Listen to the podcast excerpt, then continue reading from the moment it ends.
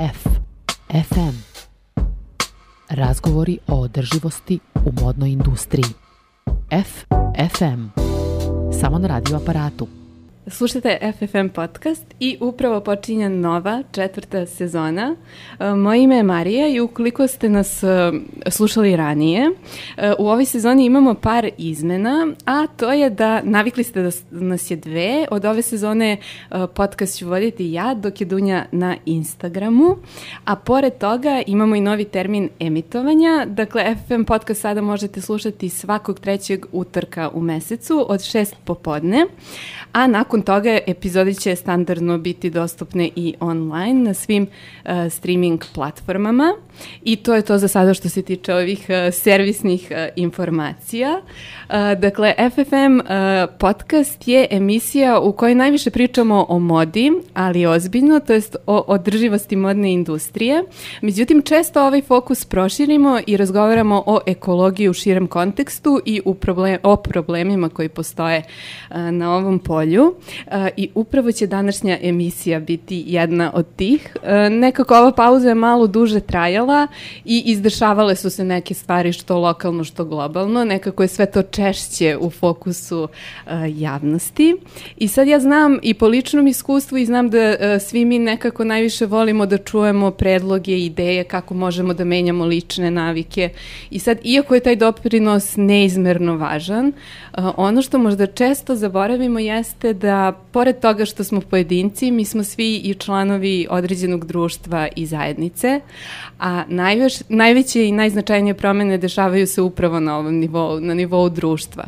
I mi ćemo danas upravo pričati o tome, dakle, gde smo mi kao društvo kada govorimo o, o ekološkoj svesti i šta možemo da učinimo da ovu temu učinimo uh, najvažnijom temom za sve nas.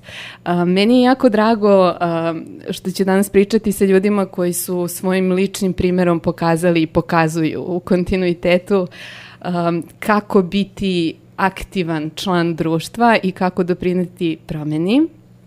Tako da danas na temu ekološkog aktivizma u FFM podcastu uh, pričat će uh, Svetlana Ceca Bojković, naša poznata i proslavljena glumica.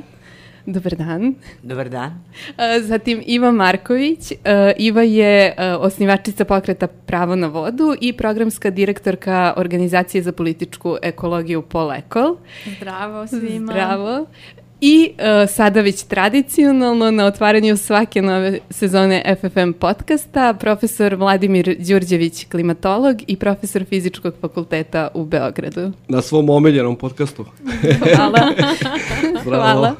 Um, mnogo mi je drago da smo se okupili baš u ovom sastavu i sad, pošto ja standardno imam milion pitanja, ne bih više skraćivala vreme za razgovor. Uh, Um, Svetlana, počela bih uh, od vas. Dakle, vi ste pored svih postignuća i uspeha u svom životu, ovog proleća postali i ekološka heroina kad ste na Bari Revi, dakle prirodnom području blizu Beograda, zaustavljali kamione koji su došli da izbace otpad uh, gde ne bi smeli i gde ne bi trebalo.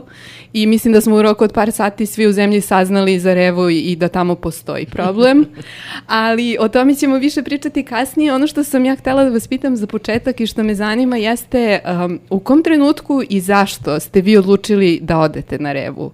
Odnosno, zašto ste smatrali taj problem dovoljno važnim da tog dana izdvojite svoje vreme i odete, što bi se reklo, na teren? Za mene je to bilo potpuno prirodno. Ja, kako je došlo do toga? Ja sam do duše i ta, tada prvi put kročila na tu teritoriju, kako da kažem, i prvi put sam videla Baru Revu. Uh, a tamo su se ljudi e, koji žive u okolini ulogorili i oni su tu danima sedeli, znala sam za to i onda su u jednom trenutku e, moja prijateljica, novinarka Svetlana Đokić, koja isto živi u tom kraju, me je pozvala prosto da tim ljudima dam ovaj, podršku. I ja sam tako spontano otišla, ne očekujući uopšte da će se to izroditi u ovo što se izrodilo, što na kraju krajeva uopšte nije loše s obzirom na pokret koji nam je neophodan. Ali, znači, ja sam otišla potpuno tako, kažem vam, prirodni, jedan motiv sam imala, da se vidim sa tim ljudima, da im pružim podršku. E, desilo se da je naišao kamion i to je stvarno izgledalo kao da je režirano, I, a međutim, bilo je bukvalno spontano. Ja sam tamo sedela s njima, pila kafu na polju, naravno, oni su neke šatore tu doneli i pojavio se kamion i ja sam isto tako spontano krenula ka njemu, jer mislim, zašto sam tu, jel? I tako se desilo, oni su to slikali, ja to sve nisam ni obraćala pažnju. Posle je to krenulo društvenim mrežama i tako dalje i tako dalje. Ja sam bila zapanjena, a s jedne strane jako ovako e, prijalo mi je, ne zbog lične sujete, verujte mi, nego mi je prijalo da je to imalo tolikog odjeka, ovaj, e, to što se vrtelo po društvenim mrežama, e, to, kamion i ja. ovaj, bilo mi je milo zato što mi je to govorilo o tome koliko ljudi je ipak osvešćeno, mnogo više osvešćeno ljudi nego što sam ja lično verovala, znate. I ovaj, tako je to krenulo, od onda se ja družim sa njima. Ali posle sam čula, rekli su mi da su u stvari oni tad bili, ne znam koji je to već bio dan, da su oni tamo logorovali i jednostavno im je malo pao moral, razumete, oni su uspeli ponekad da vrate neki kamion, onda nisu, ništa se ne dešava. I eto, od trenutka kad sam ja došla, desilo se ne pokrenulo samo to, se. nego se pokrenulo da su gotovo, više su prestali da istovaraju taj šut. Uh, imam jedno pitanje. Uh, dok ste stajali tamo i gledali ta dva kamiona koja vam se približavaju, šta vam je u tom trenutku prolazilo kroz glavu i kako ste se osjećali? Divno. Ja sam toliko bila mirna i tako nekako lepo raspoložena i ja sam verovala da će morati da stane, šta sad, pa, mislim da me zgazi baš neće ipak, još da zabeleže i kamere. Da, za sve Ali koji... bio vrlo namrgođen. da, da, da. Jesu se okrenuli i vratili da kažemo za sve koji nisu ispratili do kraja? Da, okrenuo se taj prvi ispred koga sam ja stala, jer to je išlo, on sporo prema meni, usporava prema meni, ja prema njemu, ali isto idem. I onda, ovaj, kad smo stali, onda su mu prišli aktivisti da mu objasne da ne može tu da istovari, a on, iza njega je bio drugi. I onda se ono krenuo u jednom trenutku, za njim i onaj drugi. Prosto je bilo za ne, ono, neverovatno, ko da je Bog sam izrežirao. E, Vratit ćemo se na priču o tome. Um, e, Vladimire, um, pored profesorske karijere, e, ti si poznat e, kao neko e, ko podržava svaku aktivističku akciju koja ima veze sa zaštitom životne sredine i to aktivisti uvek svakom prilikom ističu. Zašto je tebi važno, zašto je tebi važno da podržiš svaku inicijativu? Pa ne znam kako da tačno odgovorim na ovo pitanje. Mislim da je, čudno bi bilo po meni da nije tako, ali sad da smislim neki racionalni razlog da bi kao imali priču neku kratku. Mislim da, da sam e, na racionalnom nivou to svestio na način da sam ja kao deo društva finansiran od početka svog, školovanja pa do danas da se usko specializujem po pitanju nekih stvari. Znači da neke stvari poznajem bolje nego što poznaje prosječan građanin i to sam podržan od celog društva u smislu čak i fo, opet formalnih stvari toga da ja primam platu tako što svi ljudi plaćaju porez i onda na kraju ja dobijem platu na fakultetu i u tom smislu mislim da imam obavezu da to svoje znanje koje sam akumulirao godinama i koje može da doprinese ljudima da donesu bolje odluke i da bolje razumiju stvari, da treba s njima to da podelim jednostavno. Tako da to je neki onako naj, najprostiji, najprostije objašnjenje, da kažem, ili najprostiji razlog, ali s druge strane opet, iako se na stranu stavi ta profesionalna dimenzija u smislu neke, da kažem, suve komunikacije činjenice ili suvog uh, objašnjavanja ljudima o čemu se radi, da bi opet, kažem, nešto bolje razumeli. Uh, svako od nas u sebi nosi neke vrednosti i onda u tom smislu ja isto kao čovek koji ima neke vrednosti za koje se zalažem i mislim da bi društvo trebalo da bude bazirano na tim vrednostima koje su važne. Ovaj, u tom smislu želim isto tim svojim ponašanjem na neki način da dam do znanja da ja isto stojim iza tih vrednosti i da, da, da pomognem ljudima da kažem da se da probamo da se okupimo oko tih vrednosti pošto, pošto mislim da je početak svakog društva jeste uspostavljanje nekog skupa vrednosti oko kojih treba da imamo konsenzus, da znamo šta nam je važno i ako se dogovorimo oko toga na početku, stvari će kasnije da idu mnogo lako. Najveći problem je ako mi na početku ne znamo u stvari šta nam je važno. Tako da to su neke dve stvari koje onako racionalno sebi pokušam da objasnim šta ja o svemu tomu, tome radim, ali u principu kažem opet ne vidim razlog zašto ne bi ovaj, učestvovao u bilo čemu od svega toga, čak i da nema možda neko racionalno objašnjenje. Eto. Dobro, za početak dovoljno. Uh, Ivo, tebi je uh, ekologija i zaštita životne sredine u stvari izabrana profesija. Ti si uh, pokrenula um, pokret Pravo na vodu zajedno sa Žaklinom i um, zašto baš fokus voda? Mi smo u stvari, u stvari nije meni zaštita životne sredine, dakle ja, ja sam to studirala na Šumarskom fakultetu što je blisko i omogućilo mi da imam neka znanja iz tih prirodnih nauka, A sa druge strane, ovaj, taj, uh, ja sam nekada upisala filozofiju i onda sve vreme pokušam da mostim ta dva sveta, prirode i društva. Um, I uh, voda se u nekom trenutku pojavila, dakle radili smo različite neka istraživanja koje su ovako više bila okrenuta ka dostupnosti vode, dakle vode kao ljudskog prava, odnosno to kako, kako građani i građanke Srbije žive ovaj, u odnosu na, na pristup vodi. A, međutim, onda smo shvatili da je to jako povezano sa nekim drugim stvarima kao što su i mini hidroelektrane, i eksploatacija izvorišta i gradnja na, na obali i tako dalje. I uh, uvideli smo da je stvari voda ona stvar koja spaja i koja ove vrednosti u kojima uh, Vladimir govori Uh, apsolutno, dakle, se ogledaju u to kako mi raspolažemo, u tome kako raspolažemo prirodnim resursima i pogotovo vodom. I to nam je, o, čim uđete, čim zagazite u tu vodu, morate odmah da plivate. Ove, ovaj, morate odmah da, da odgovarate na, na mnogi izazove stvarno koje su kod nas uh, prisutni. A, mi smo se bavili čak i banjama, a, dakle imamo od velikog talasa privatizacije uopšte javnih dobara, banje su dosta stradale, imamo sada skoro slučaj u Vrnjačkoj banji gde izvori presušuju, dakle gde više nemate lekovitu vodu, A, dakle, mnoštvo, mnoštvo problema, ovaj, a mi smo, čini mi se, možda i ovde svo troje, ovako sad ja da, da nekako se ostrane na tvoje prethodno stvari pitanje, a, nema tu racija. Dakle, mislim da smo svi a, zapravo vrlo ovako uh, intimno involvirani, dakle vidimo nepravdu i moramo da, moramo da reagujemo. To je neka stvar koju stvarno uh, nije vezana za profesiju, nije vezana za uh, status društveni, dakle to je nešto što je u tebi i onda ti ne možeš da izdržiš. Dakle, meni je nezamislivo da da ne reagujem, dakle ne znam kako bih drugačije živela, ovaj, da, da ne idem i po protestima i da pišem istraživanja i da pričam sa ljudima i da spajam organizacije i da pomažem ovaj, svima i U tom smislu nam je voda bila stvarno nešto što najviše spaja ljude. Ovaj, čak i oni koji možda nemaju šumu pored, koji nemaju a, rudnik ispred svog sela, dakle a, svi koristimo vodu i stvarno jeste osnovna ljudska potreba. Da, izvinjavam se, evo da ja uprostim taj razlog nekako. Sad Iva me malo pokrenuo tu stranu. Pa mislim, probudiš se ujutro i kažeš, hoću bre da dišem čist vazduh, prijatno i doviđenja. Ne interesuje me, hoću da imam čist vazduh ispred sebe i to je to. Ako treba sad idemo da pravimo frku negde, napravit ćemo frku i kraj priče. I da popijem čašu vode. I da popijem čašu vode, tačno, i neću da mi sečete drveće oko zgrade zato što mi pravi hlad i tako dalje. Znači, to je onako naj, taj bazični poriv koji treba ljude u principu da pogura nekad ih pogora, nekad ih ne pogora, ali onda ove, ovi koji su pogorani mogu da poguraju druge, jel tako, što nas ima više, tako ljudi će se više oslobađati ih, ono, imaće i želju i oni nekako da, da, ovaj, da se uključe. Uh, jeste, um, Zanima me uh, iz vašeg ugla, kako vam se čini, uh, na kom smo mi nivou svesti kao društvo uh, o značaju zaštite životne sredine? Upravo to, da kao taj vazduh koji dišemo je neophodno da bude čist, kao, da, je, da, da su vode i reke od svih nas, svačije vlasništvo, to je javno dobro i pripadaju svima. To je po ustavu.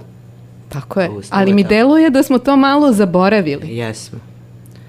Pa, e, ja mislim da mi, nažalost, na društvenom nivou nemamo razvijenu dovoljno svest. Daleko smo od toga, ali mislim ne treba jednostavno odustajati. Mislim da se ta svest polako budi. Mi, mnoge dokaze i postoje, nedavno ovaj, postoje dokazi oko toga. Recimo, ja sam baš bila ovaj, kada je ovde u Beogradu, iako sam tad odsustovala iz Srbije, kad se desila 2014. godine poplava ona strašno velika poplava. I tu su mnogi ljudi stradali, osakatili se, ovaj, zbog toga što je bujica nosila ono što ljudi bacaju u reku, pazite. Tu su bili šporeti, frižideri, nekakve zarađale mašine i tako dalje. I ajde, to je bio kao nauk, jel? I jer se, posle toga su neka rečna korita očišćena. Međutim, može biti dva meseca iza toga ponovo se desila poplava, opet ista stvar. Znači, po meni trebalo bi jako mnogo uložiti od malih nogu, od kućnog vaspitanja, a boga mi obavezno u školi, taj ekološki aspekt, odnos prema prirodi, vaspitavanje, da se voli priroda, da se vode deca što više u prirodu, da se jednostavno e, pronalazi ta veza između deteta i prirode, govorim pogotovo za gradsku decu. Ja sam bila skoro pet godina na severu, vi ne možete da zamislite kako svi ti severnjaci, kakav je njihov odnos prema prirodi. I Finska, i Švedska, i Norveška, pa to je, jednostavno oni to, kako bih rekla, zaista tretiraju kao živo biće, oni žive s tim, oni to paze, oni to neguju, oni poštuju, oni... I onda sam ja shvatila, pa mi izgleda u Srbiji uopšte ne volimo prirodu, dok sam bila tamo. Mislimo da nam je to dato i to sad nema veze. Možemo mi sad Možemo da radimo da s tim šta šta god. hoćemo, Da. pa ne možemo. Dugo Da. godina i kod nas bio taj mit kako mi živimo u nekom super čistom okruženju, posebno i u sankcije kad su bile. Neka, neka smo pod, sak- pod sankcijama, ali bar imamo sve čistu prirodu, jedemo Da, da. tako dalje, čistu, zdravu hranu, ovaj, a onda smo se probudili jednog jutra i skapirali da smo daleko od toga. I sad je sve ovaj, ozbiljnije, ozbiljnije i opasnije i opasnije. Ali mi ne smemo Ja ja čekamo moram- se to potpuno uruši. Tako Ja moram samo da, ovaj, da uh, sad premijerno ovaj, pomenem, mi smo baš radili istraživanje javnog mjenja i baš o mišljenjima ovaj, građanki i građana šta je, uh, šta je to sa životnom sredinom. Je li to sad stvarno ili je to samo prosto, često smo u tom nekom bablu, dakle ja sad mogu da pričam sa kolegama i mi svi mislimo da je to katastrofa šta se dešava, ali ajde da vidimo šta stvarno misle ovaj ljudi. Ispostavlja se da su oni jako zabrinuti uh, i sad ja ne mogu sve da otkrivam, sutra će biti konferencija za medije u podne, Dobro. ali uh, uh, dakle uh, mi, ti protesti koji su se dešavali, te lokalne inicijative, te uh, akcije, uh, dakle na nacionalnom nivou takođe, to je nešto što je jako probudilo ljude. Dakle, nikakav edukativni program uh, nije doprao do ljudi, nažalost. Uh, mi smo jedno od pitanja nam je bilo i da li, uh, da li je prosto, da li više vredi ulagati u preventivu. Dakle, to je pitanje koje je ovako samo razumljivo, ali ti možeš da pitaš ljude da vidiš, da bi oni sami možda i razmislili da li možemo da priuštimo samo da rešavamo posledice. Jer ukoliko ne radimo na uzrocima, što je čini mi se deo misije ove emisije, ovaj, dakle, ukoliko ne radimo na uzrocima, zaista ćemo mnogo skuplje proći i mislim, nažalost, imaćemo eto i, i žrtve i ovaj, velike materijalne štete i sve ostalo. Ako već tako moramo da objašnjamo, ako nemamo onaj jedan normalan razlog kao da svi živimo kvalitetno i zdravo i srećno.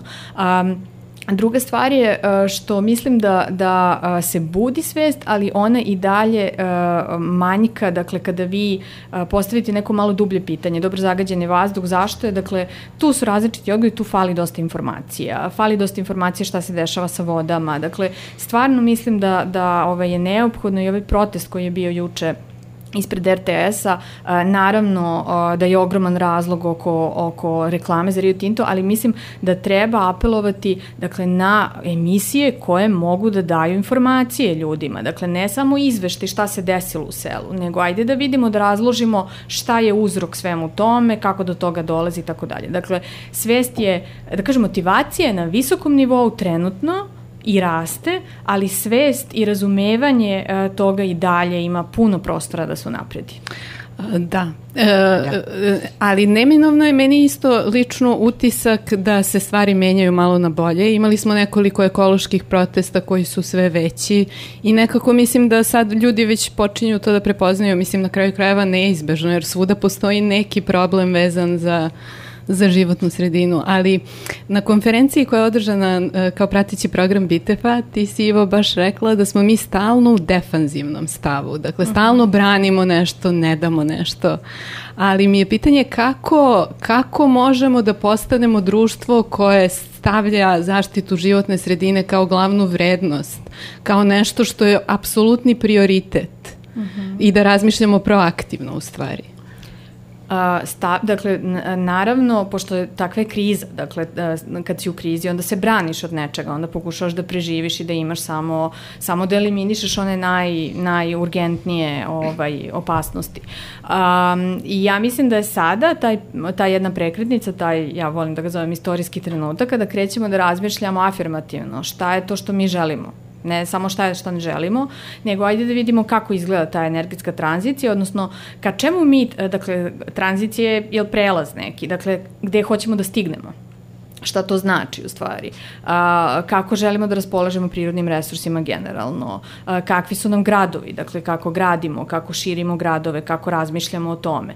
E, sve to postoji negde, neki ljudi se, ovako da kažem, dosta partikularno bave jednom ili drugom ovaj, oblašću, ali a, na, na našu sreću postoji sve veća svest i mislim i, i ovaj, kolega Vladimir je stvarno jedan a, dobar primer da se ne bi a, da a, dakle sarađuju sa različitim oblastima. U, ovaj, on je mogao, ovaj, kao i mnogi drugi naučnici, da a, sedi i bavi se istraživanjem u nekoj vrlo uskoj stručnoj oblasti i da izdaje ove publikacije i da eto na taj način razviše i to je u redu, to naravno treba e, takođe da se radi i to je vrlo korisno, ali a, ne možemo kao društvo napreduje koliko se ne osvestimo da smo društvo, dakle da se to radi za kolektiv, da se to radi za a, sve one koji će u nekoj drugoj oblasti možda moći kvalitetnije da rade ukoliko mi doprinesemo. To je ono što se sada dešava, to se ja nadam, ovaj, moram da budem optimistična, da kažem da se to sada dešava i da je to taj trenutak koji nikako ne treba propustiti i ovaj, sad je ono standardno svogde gde god odem nešto apelujem, ali stvarno apelujem na ljude da se uključu taj, taj, taj, to kolo uključite se u kolo, nećete zažaliti, ovaj, a, mislim, mislim da, da je to način kako se kreira, kreira dobro društvo. Ovaj, mi smo dugo godina imali i naučne oblasti koje su vrlo uh, ne godinama, dakle možda i decenijama koje su vrlo razdvojene. Dakle i Beogradski univerzitet, na primjer, meni je to uvijek bilo zanimljivo, te raštrkane zgrade svugde po gradu gde ja ne znam, ako sam na Šumarskom, ja ne znam šta radi neko sa filozofskog, nemam pojma šta sad znači to, ovaj, šta na mašincu ljudi imaju neke nove tehnologije koje bi ja možda mogla koristim u pejzažnoj arhitekturi i tako dalje. Ovaj, tako da, da mislim da to potrebna ta sinergija različitih uh, delatnosti i da onda zajedno napravimo bolju budućnost budućnost. Svetlana, kako biste vi rekli? Vi ste sad od, od bare reve nekako u, u celoj toj priči i zovu vas i da pričate i u kontaktu ste sa aktivistima. Jel vam deluje da se menja svest, da ima pomaka? Budi se, eto kako bih rekla. Stvarno se budi, ne mogu da kažem. Samo ovaj, potrebno je to još više širiti i prosto omasoviti okupljanja ovaj, koje se sad dešavaju u vidu protesta, jer drugčije oblik ne postoji trenutno, razumete? Ali ovaj, to jednostavno treba biti uporan, uporan i strpljiv. Zašto to je kod nas da, kasno došlo? Tek kad je smo došli u, tek kad smo došli u alarmantno stanje, ljudi su počeli da se bude. A, mislim da je ova svest kod nas bila razvijena ranije, ne bismo mi možda ni, ne možda, nego sigurno, ne bismo ni dočekali ovu situaciju u kojoj se sada nalazimo, koja je bukvalno katastrofična. Mislim, uopšte ne preterujem. Ona preti da se pretvori u katastrofu. E sada, a možda je to i kod nas u našem srpskom mentalitetu, mora da bude gusto, gusto, da te napadne sa svih strana, pa tek onda, onda se dešava ono što bi rekla desanka, Srbija je velika tajna, znate. Ali ne bi trebalo da bude tako. Trebalo bi da smo to sve imali ranije, da smo mi napravili i nekakvu stranku, recimo zelenih, kao što, pazite, sad izvinite što ću malo prekorada da pričam. Angela Merkel je bila ovde nedavno i rekla je, ali tamo ima vrlo jaku e, zelenu stranku, razumete? I ona je rekla da svakako ovde treba da bude rudnik litijuma. Pa ste Nemačka bogata litijum, što ne kopate vi tamo? Pa ne, zna se i zašto, jel? A mi ovde treba da postanemo crna rupa.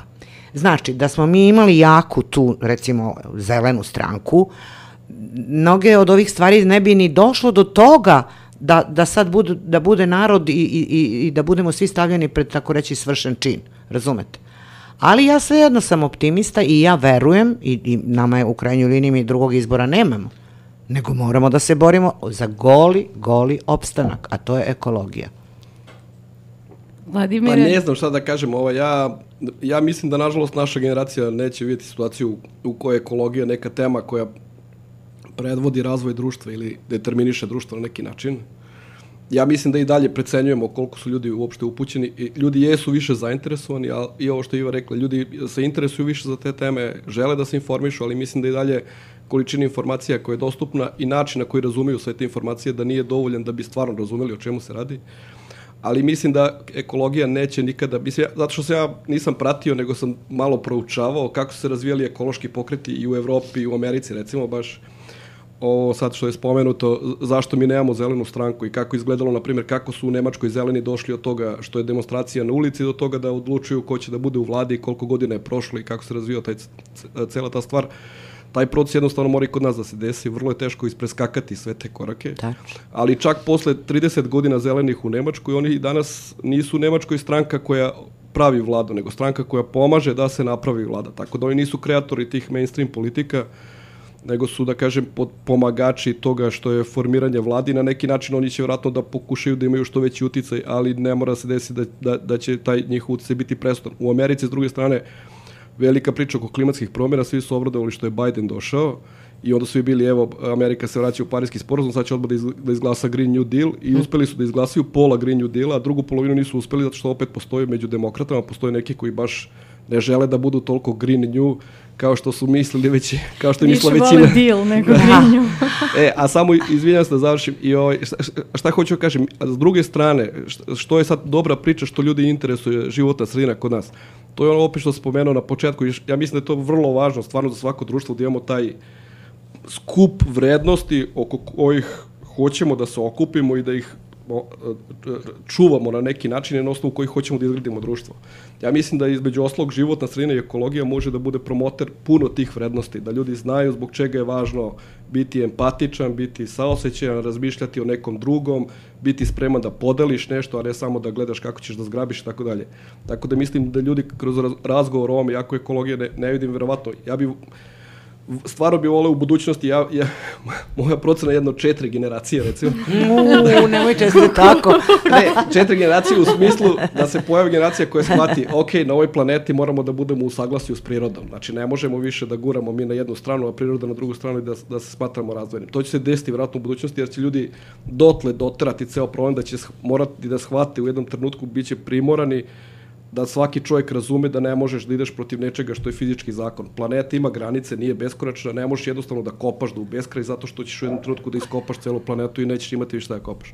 Ali to će biti, kažem, ovaj, po meni će se to desiti nekad u budućnosti, neće sad, ali mislim da sad treba, između oslog, cela ta priča oko života sredine da se koristi za to da se promovišu mnoge vrednosti koje su kod nas zanemarene, niti, da kažem, onako, izgubile su potpuno na nekoj na ne, ne na značaju, nego na, na tom dubinskom razumevanju, šta to znači, ono, kad ja hoću, šta znači uopšte, recimo, evo Ivo, o čemu to stalno priča, voda je ovaj, zajedničko dobro, koje treba svi nekako da delimo i svi da vodimo računa o tome. Šta to znači? Znači, kad dođeš na tu reku, ne sme nikada ti pad na pamet da je sad to parčence tvoje da ti tu možeš sad napraviš splav, pa sutra kućicu, pa preko sutra baštu, pa onda da, da posle par pa nedelja... onda dvorac. dvorac, pa fiskalni račun, pa četiri apartmana za spavanje, pa onda tamo aj napravimo malo i da imaju gde da dođu čamci, pa ajde onda kupimo još 20 čamaca i tako dalje i onda ti si taj koji arči resurs, a ovi ostali svi, i onda napraviš ogradu i onda ovi mogu da gledaju preko ograde šta ti radiš u svojoj kućici. E, takve stvari mislim da, da može ovaj, trenutno kod nas cela ta priča o životnoj sredini može tu vrstu uticaja na širu društvenu zajednicu i zato treba sad opet, Ivo što je rekla, mi smo ovde, zajedno smo pa smo se dogovorili, znamo o čemu hoćemo da pričamo, ali kad pričamo sa, sa da širom populacijom, ja mislim da je glavna poenta kako sad tu širu populaciju privući, mm. da, da im se pomogne, treba da se priča o tim stvarima, ne toliko sad o nekim konkretnim stvarima, detaljima i to, nego da pričamo o tim nekim stvarima šta je to nama važno i zbog čega. Konceptima, idejama. Da. To da, naravno o konceptima i idejama, ali e, postoji jedna stvar koja ne da nije zanemarljiva, nego je po meni, kako da kažem, od vitalnog značaja, a to su seljaci. Ljudi koji žive na selu, koji žive od zemlje, koji žive od poljoprivrede, od stoke, od pčelarstva i tako dalje. Pazite, oni ne moraju da budu na, uopšte obrazovani, ne znam u kakvom Sigurno. smislu, ali oni najbolje znaju e, kada su poremećeni ekološki uslovi, jer to direktno utiče na njihove proizvode, na zdravljenje e, te, te hrane, e, te vode, ovaj, i tog meda i šta god, jel, tog mleka, e, sireva i ovo i ono, a, a to je nešto što mi jedemo, što mi unosimo u naš organizam. Razumete? Da. Pa sutra će da nas čeka ona, kako se zove, modifikovana ishrana i šta je ovaj Bill Gates napravio o neke sintetičko meso i take gluposti, razumete? Pa čekajte, mi imamo to, stvarno to su darovi od Boga. E kad se dirnulo ovog puta, vrat, doći ćemo i do Rio Tinta, koja je rak rana, Kada se dirnulo ovaj, ovaj, u te ljude i u njihovu, u zemlju, u ono što oni obrađuju, što rade, slušajte, to je veliko buđenje. Veliko bu... Njima ne treba nikakva predavanja o ekologiji. Ne, to, to znam sigurno. I oni su bili meni najpotresniji na tim protestima i smatram da su oni na tim protestima najdragocenije, njihovo, zaista njihovo prisustvo. Mm. Ne, ništa, ne, slažem se potpuno s vama, da, ja sam bio u Loznici još, ne znam kaj, šta je to bilo, jesen 2019, tek kad se otvarala tema, recimo, lokalno stanovništvo je htjelo da organizuje tribinu, pozvali su, bili smo između ostalih profesorka Dragana Đorđević da. i ja, kao eksperti, da im, ajde da pričamo o tom problemu, da vam kažemo šta bi sve potencijalno mogli da vidite niko u gradu nije hteo da im da lokal da organizuju tribinu u centru Loznice. De. Znači mi smo došli autom, ja sam bio dobro, sad doćemo u centar Loznice, parkiraćemo se i saznaćemo gde je kafana, ne mogu da više setim. To je bila nisu nisu im dali javne prostore, nego je kao kafana kao. Doš. I onda kao dobro biće tu valjda ta kafana, naći ćemo je lako, nije sad Loznica, ne znam ja šta, ne, da tamo se prošetamo. Mi dođemo u centar, niko ne zna gde je ta kafana. Ja upalim ovaj Google mape na kraju, ajde da vidim gde je to kad ono 4 km od Loznice, niko nije hteo da ih primi u gradu da naprave tribinu uopšte. A, vezano za to konkretno, ja lično imam utisak da kada pričamo o problemima u, u, u o, e, o ekološkim problemima, mislim da i dalje ne možemo da povežemo šta problem tamo negde znači konkretno i za nas lično.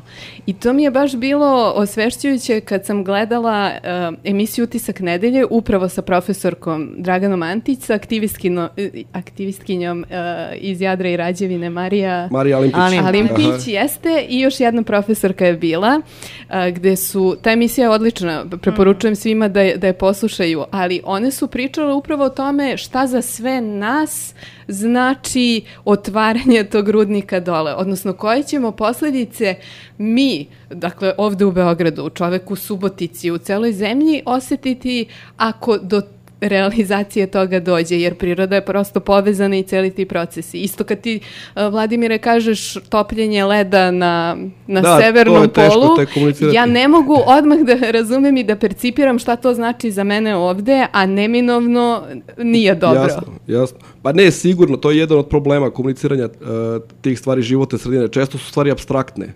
Tako da ljudi sad isto, baš tad kad smo bili u Loznici, onda su došli, došli nekoliko njih iz okoline Bora gde sad otvori ovaj Čukaru Peki rudnik, koji je isto ogroman problem za Srbiju, ali to je otvoreno na kraju. I onda su da. oni došli da ispričaju lozničanima kako izgledalo iskustvo ekspropriacije zemlje, pregovaranja, u stvari da to kao sve izgleda super, pa onda jedan put sve manje i manje izgleda super i tako dalje. Na kraju vas neko to malte ne vas pakuje i kaže vam ok, nađi gde ćeš da živiš i snađi se kako hoćeš da živiš, ne, ono ne interesuješ ne interesuješ me. Moj predlog je bio više da ljudi koji su tamo na lokaciji gde će potencijalno da bude rudnik Rio Tinta, jednostavno, ono, ajde da sednemo u auto i da odete do Bora da vidite kako izgleda borski rudnik. I da razmislite, jel vi to hoćete da imate kod sebe ili nećete. A onda i svi u Srbiji treba jedan put dodu do Borskog rudnika da vide kako izgleda ta jama Strašno. i kako izgleda živeti na ne znam nija koliko stotina metara od jamine, tamo grad Maltene na, na granici jame. Znači, u toj, u toj situaciji čovjek, mislim, ne treba više mašta da radi. U životnoj sredini često treba da radi mašta, da bi ljudi malo ispovezivali stvari. Ali ta, to direktno suočavanje sa nečim, ovaj je mnogo efektivnije, ali s druge strane opet je lepo kada čovek se potrudi da nekako ta, tu sliku koja treba da se nekom, da kažem, kreira u glavi da pomogne. Ti spomenula emisiju, jeste, tad su lepo pričali o tome i objašnjavali su i to jeste taj zadatak da to komuniciramo na način da ljudima se ono stvore slike u glavi iz kojih im postane jasno da to nije samo u loznici, da to samo nije o, neka rupa ispod zemlje, pa ćemo mi to nešto malo da izvadimo, pa ćemo da sameljemo i onda ćemo jedan sutra svi da budemo bogati.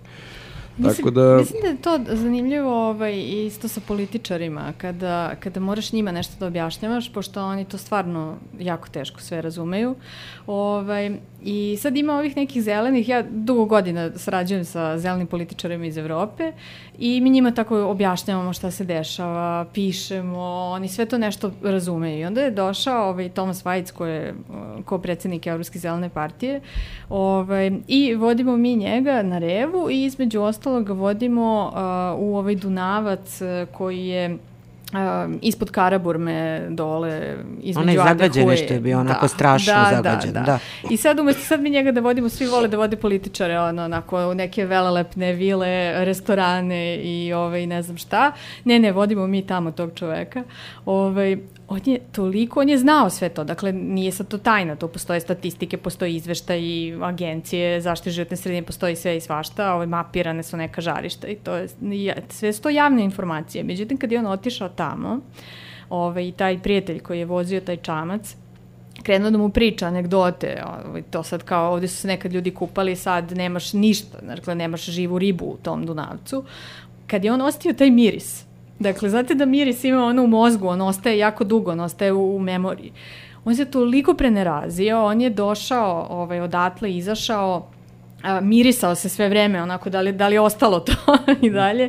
Ovaj, užasno se i rekao, kaže ovde može da se ispiše jedno, tri, četiri knjige a, samo ono kršenja propisa Evropske unije na temu otpadnih voda, zagađenja, Dunava i ne znam čega sve ne. I stvarno, ovaj, eto jednog predloga za, za edukativne programe, nemojte ove ekskurzije na ove lepa letovališta, odmarališta za decu, nego idemo, idemo, idemo ovaj, u bor da decu ne, da ne, vidite da. patnju.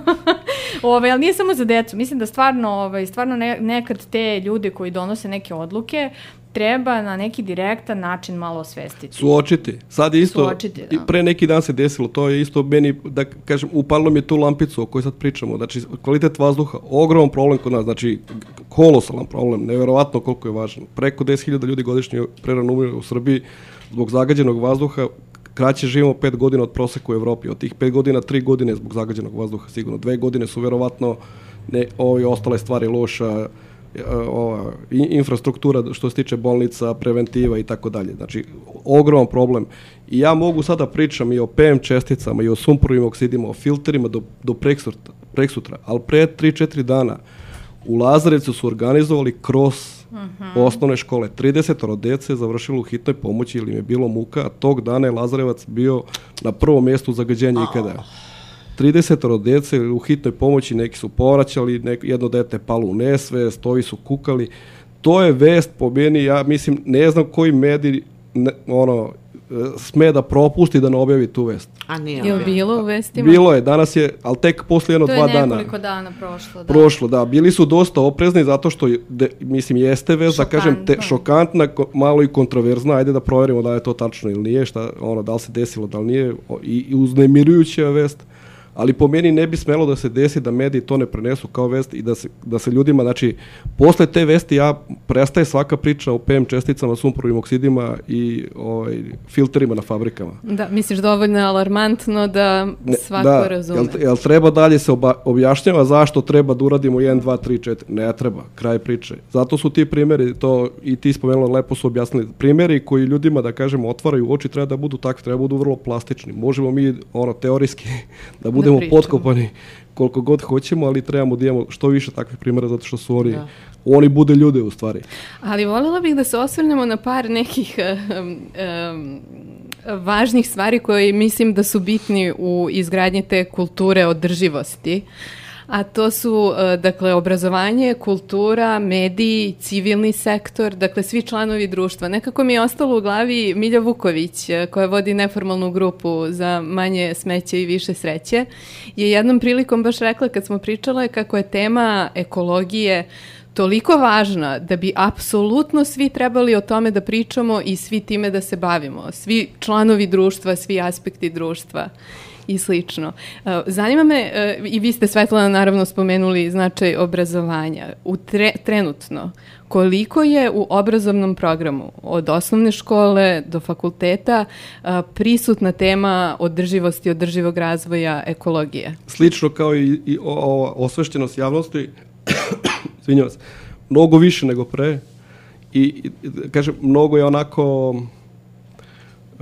temeljnije uključena u obrazovne programe. Ja se bavim najviše inače klimatskim promjenama, pa pričamo o toj temi. Klimatske promjene nisu postojale u našim udžbenicima pre 20 godina, kao pojam. Znači, u knjizi nijedno vjerojatno nije pisalo nigde klimatske promjene, niti klimatske promjene su izazvane aktivnošću ljudi zato što su spaljivali ugalj, naftu i gas. Uh, Danas ima od toga u, u više predmeta čak u osnovnom obrazovanju i onako da kažem nije dalje prepoznato kao da je to tema koja je važna i kojom treba se bavi, ali ima dosta tih izvora da kažem neformalnog obrazovanja koji nude informacije i takve stvari. Imaju neki od organizacija kod nas su čak napravili neke online kurseve gde ljudi mogu relativno brzo da prođu kroz kurs da urade test ti, neki od tih kurseva su uključeni opet na neke kurseve na fakultetima nekim, tako da u okviru nekog predmeta, kad na fakultetu imate predmet koji se recimo bavi ekologijom ili je blizak ekologiji, onda kao deo tog predmeta možete da uradite taj kurs i onda dobijete neke bodove tako da vam to bude deo ispita.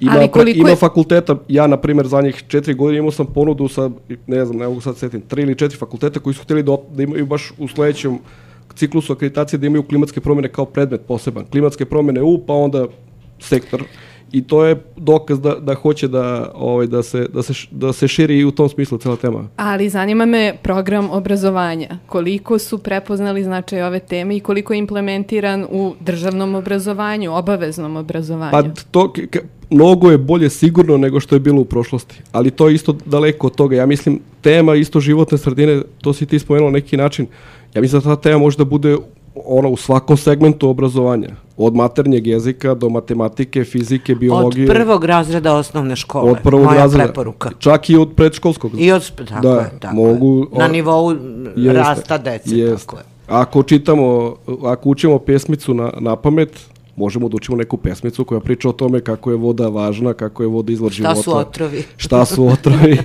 Jel tako? Ako učimo, ako učimo istoriju, možemo da učimo o, o nekim greškama društva u prošlosti u isto, u istorijskom kontekstu koje su dovele do, nekih, do neke vrste, da kažem, ekoloških problema ili su na neki način degradirali dru, društvo. Ako učimo geografiju, možemo da učimo o crnim tačkama na planeti Zemlji, gde sve rudnik, gde Rio Tinto sve ima rudnik i šta su sve uradili.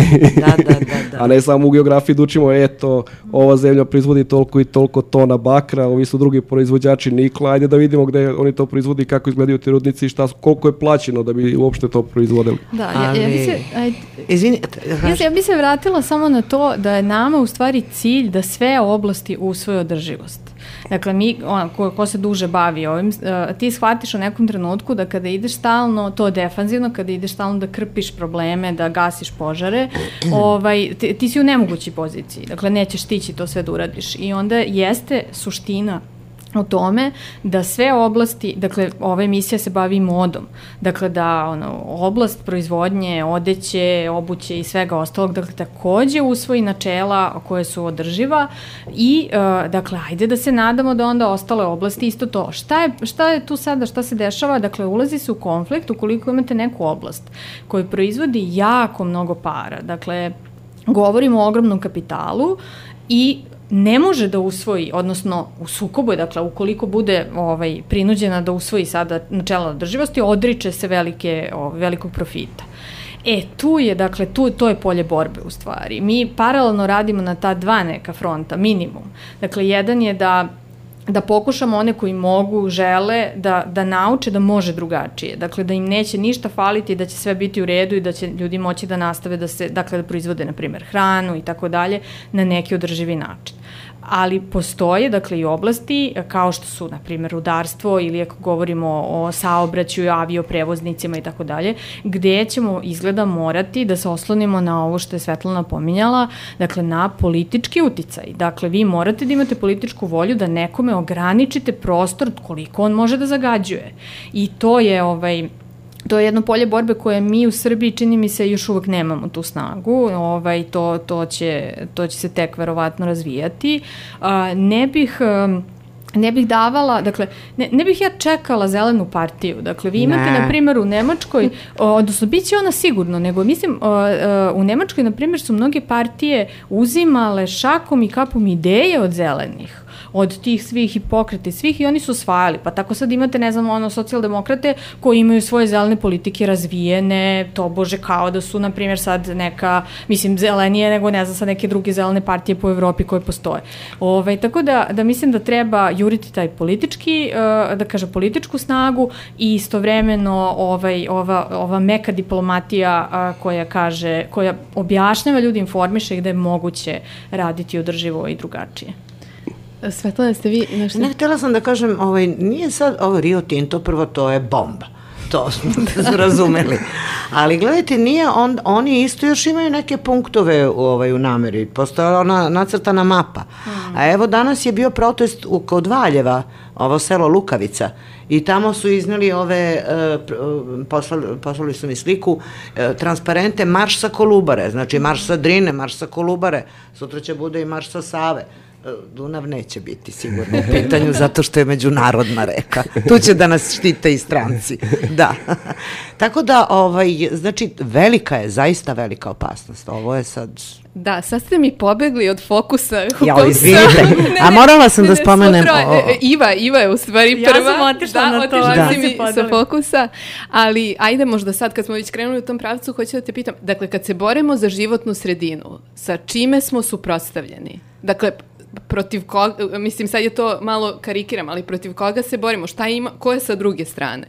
E, pa sa druge strane, u stvari sistem. Dakle, meni je to uvek, ovaj, ja pokušavam da objasnim ovaj, kad krenu ti investitori, na primjer, ne znam, u male hidroelektrane, ali možeš investitor u bilo šta. Ove, ljudi sad nekako, um, prvi onaj refleks je da su to sad neka čudovišta. Oni sad nas hoće da upropaste, oni hoće nama sve najgore, oni imaju ovaj fetiš na ugrožavanje životne sredine. A u stvari, u, recimo kao i svemu ostalom, u svim mogućim kriminalnim aktivnostima, ovaj, 99% slučajeva oni nisu nikakvi monstrume, nego koriste priliku i priliku im stvara sistem, odnosno priliku im stvara politički okvir oko koga bi trebalo da smo se mi dogovorili. I mi smo sad tu u toj koliziji. Dakle, sa jedne strane, to smo na početku pominjali razgovora, sa jedne strane bi trebalo da smo se kao društvo dogovorili da želimo da živimo zdravo, je tako? Zdravlje je kao nekakva, da kažemo, ono, osnovno ljudsko pravo, dakle da imaš zdravu životnu sredinu i da se ne razboljevaš od toga što trčiš kros i imaš 10 godina. Ovaj, Ali ajde da, da, da onda sad u stvari vidimo u praksi, kao ako smo se to sve dogovorili, zašto se to ne dešava. Tako da uh, nekada, odnosno uh, vrlo često na terenu vi morate da stanete ispred šlepera, bagera, kamiona, ovaj, bilo čega i to je u tom trenutku to jeste vaš cilj. Dakle, vi morate direktno da spašavate, da odbranite neku reku, neku poljanu i tako dalje. A, Međutim, a, bilo bi da kažem jalovo, koliko god se mi prostirali ispred čega, koliko nemamo viziju šta je u stvari koren problema. A koren problema jeste sistem koji je baziran isključivo na profitu, isključivo na pravljanju većeg i većeg novca, koji se ne obazire na ljude, koji se još manje od ljudi obazire na prirodu. Dakle, tu možete da pravite različite analogije, takođe i kako se odnosi i prema ženama, manjinama i tako dalje, jugu, globalnom a, i ostalim. Dakle, taj sistem je svakako neodrživ i naravno da on mora da se promeni. To nam je, to nam je u stvari glavni neprijatelj. A ovi ostali su svi njegovi, kako kažemo, onako, uh, koliko god krupni bili u stvari, uh, onako jedni bedni pomoćnici. da. sistemu. Pa da, ali vi kad pogledate, eh, dobro ste to rekli, to se sve slažem sa vama. A recimo vi kad gledate, juče se bio, mislim da je juče bio neki, da, juče je bio jedan transparent na ovom protestu ispred televizije, e, gde se, ovaj, e, pošto ne volim da pominjem imena, baš ne volim. Samo da Ovaj. kažemo, pošto spominjamo već nekoliko puta, protest ispred RTS-a je bio povodom uh, Rio Tinto da se skine njihov ovaj, spot, reklama. sa televizija. sa televizije, koju je ovaj, Zlatko Paković odlično nazvao Dobrodošli u pakao. To je prevod njegove, da, da. Raskomotite Ovaj, da, da, da, da. To je izašlo u danasu, jako mi se dopalo to i onda sam ga zato i citirala i juče, da. Ali na jednom je pisalo transparentu da naši, naša vlast, ajde, ovaj, i po imence je rečeno, jel? Naša vlast se ponaša kao da su sluge, oni sluge Rio Tinta. I u tome je kvaka, razumete?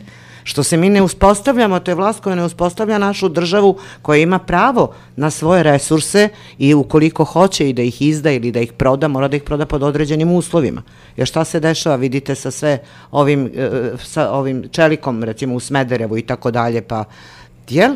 I sa ovim e, koji prave gume isto kinezima. Mi znači jednostavno nismo zaštitili Ne mi, mi ne možemo mi da zaštitimo, možemo samo da se bunimo. Ali mislim, zna se ko je dužan da to uradi. E pa sad to je moje pitanje. Dakle, institucije su te koje bi trebalo da rade u interesu građana, a institucije... Stiro smešno. Evo mi da se samo smejemo. da se. Baš da se smejemo. Smijem se da ne bi plakala. Jeste, ali sad je moje pitanje. Kada te institucije ne rade u interesu građana koji ih plaćaju i čiji su uposlenici, koji su nama mehanizmi i prostori za borbu dostupni? Pa ništa, moramo da, da se bunimo. To je Ulica. To. Ulica. Nažalost, ulica. Van Ali institucionalna ne treba, borba. kod nas malo možda to, i kad se kaže ulica, možda ponekad ima malo negativnu konotaciju, ali ne treba da bude, mislim, za, zašto ono? Znači, to, e, Ne da se bijemo da pada Da, krv. naravno, ne samo to, nego to je, društvo je složen sistem u kojem postoje razni procesi, razne stvari, jedna stvar je institucija, druga stvar je to da građani, da građani hoće da izađe na ulicu i da se deru šta žele, da bi ih ovi bolje čuli. Mogu ta, to dranje na ulici može da bude vrlo kreativno, ne mora uopšte da bude, da kažem, napeto i sad mi da budemo tu u strahu da će Bog zna šta da se desi. Tako ćeš da privučeš još više njih koji će onda još glasnije da se deru, tako? Onda imaš neke druge mehanizme u društvu koji, sad da ne pričam, ja nisam te sfere, pa ono izvršna vlast, zakonodavna vlast. Postoje razni akteri.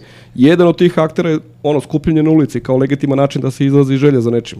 Ne vidim ja i to treba koristiti svaki put kad možemo to da iskoristimo, zašto da ne iskoristimo? To je, to je pojednako važno kao izglas, glasanje nekog zakona u Skupštini, samo se skupi se nas puno pa glasamo za neki drugi zakon ispred Skupštine. Ali kako primorati, uh, dakle, oni koje donose zakone da donesu neophodne ekološke zakone? Jer mi imamo gleda- primere i, na primjer, Znam. Holandiju koja je imala nedavno slučaj da je uh, naftna kompanija optužena kada su je tužile uh, nevladine organizacije. i građani. U Americi je primer, pošto Amerika ima najduže, tu, najdužu istoriju tih ekoloških pro- pokreta. Najveće promjene su se dešavale kad, su se, kad se menjala vlast sa demokrata na republikance.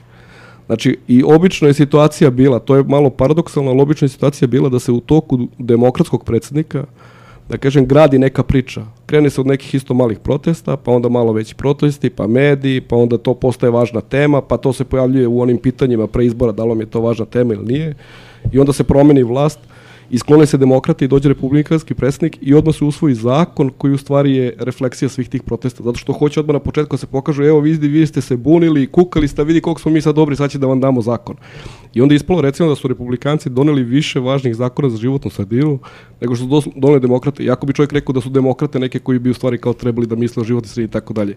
Ali razlog što su opet republikanci to radili nije zato što su sad oni isto super osvešćeni, nego zato što su na neki način htjeli da udovolje ljudima da kažu evo vidite mi smo dobri glasite sad i za nas u sledećem krugu političari to im je verovatno jedina stvar na koju su osetljivi a to je glasanje u, sl- u sledećem krugu i treba, is, treba ih gađati u tu njihovu slabu tačku oni nas gađaju u slabu tačku i mi ćemo njih da gađamo Pa u sad je tačku. recimo idealno vreme za to. Pa jeste, zašto da ne? Zato evo svi sad, zato i kod nas r- Iva spominje e, ove ostale partije malo malo i ovi koji su politički aktivni u skupštini malo malo pojave se i oni imaju imamo i mi neki zeleni program. Neka evo. samo uzimaju, samo neka, Ja da. sam rekla nek prepisuju sve samo dobro da prepišu. Samo da znaš da, da nešto ne, ne izostave. Dakle, moramo da stavimo do znanja da hoćemo da se bave tom temom. Jeste. I mi treba da budemo spremni da, u, da učestvujemo u tom proces, pro, pro, delu procesa koji se zove to uh, ulica ili ono malo dranje po ulici zato što kažem to je proces mora neko da se dere pa neko da te čuje pa taj neko da bude doveden u situaciju da možda će da bude na vlasti možda neće pa da onda kaže e ajde evo sad ću ja da ti uradim ovo malo mora, vodit će se bitka zauvek nema kraja nećemo mi Nema nikad kraja. doći Ne, do ne. situacije da je sve super Ali toliko mnogo problema. Evo, Iva, da iskoristim sad vas da pitam. Ja sam danas dobila i, i to kruži da se potpiše peticija jer je navodno, pošto vi se bavite vodom, ovaj, naš institut Jaroslav Jeste, Čevrni jeste, da, da, je da. ovaj, oglašena njegova prodaja. Jeste i to je u, sutra se ovaj, u podne otvaraju koverte sa ponudama i ovaj, mi smo pokrenuli peticiju, pokrenuli smo apel akademskoj zajednici, peticiju je sad potpisalo već 20.000 ljudi za vrlo kratko vreme.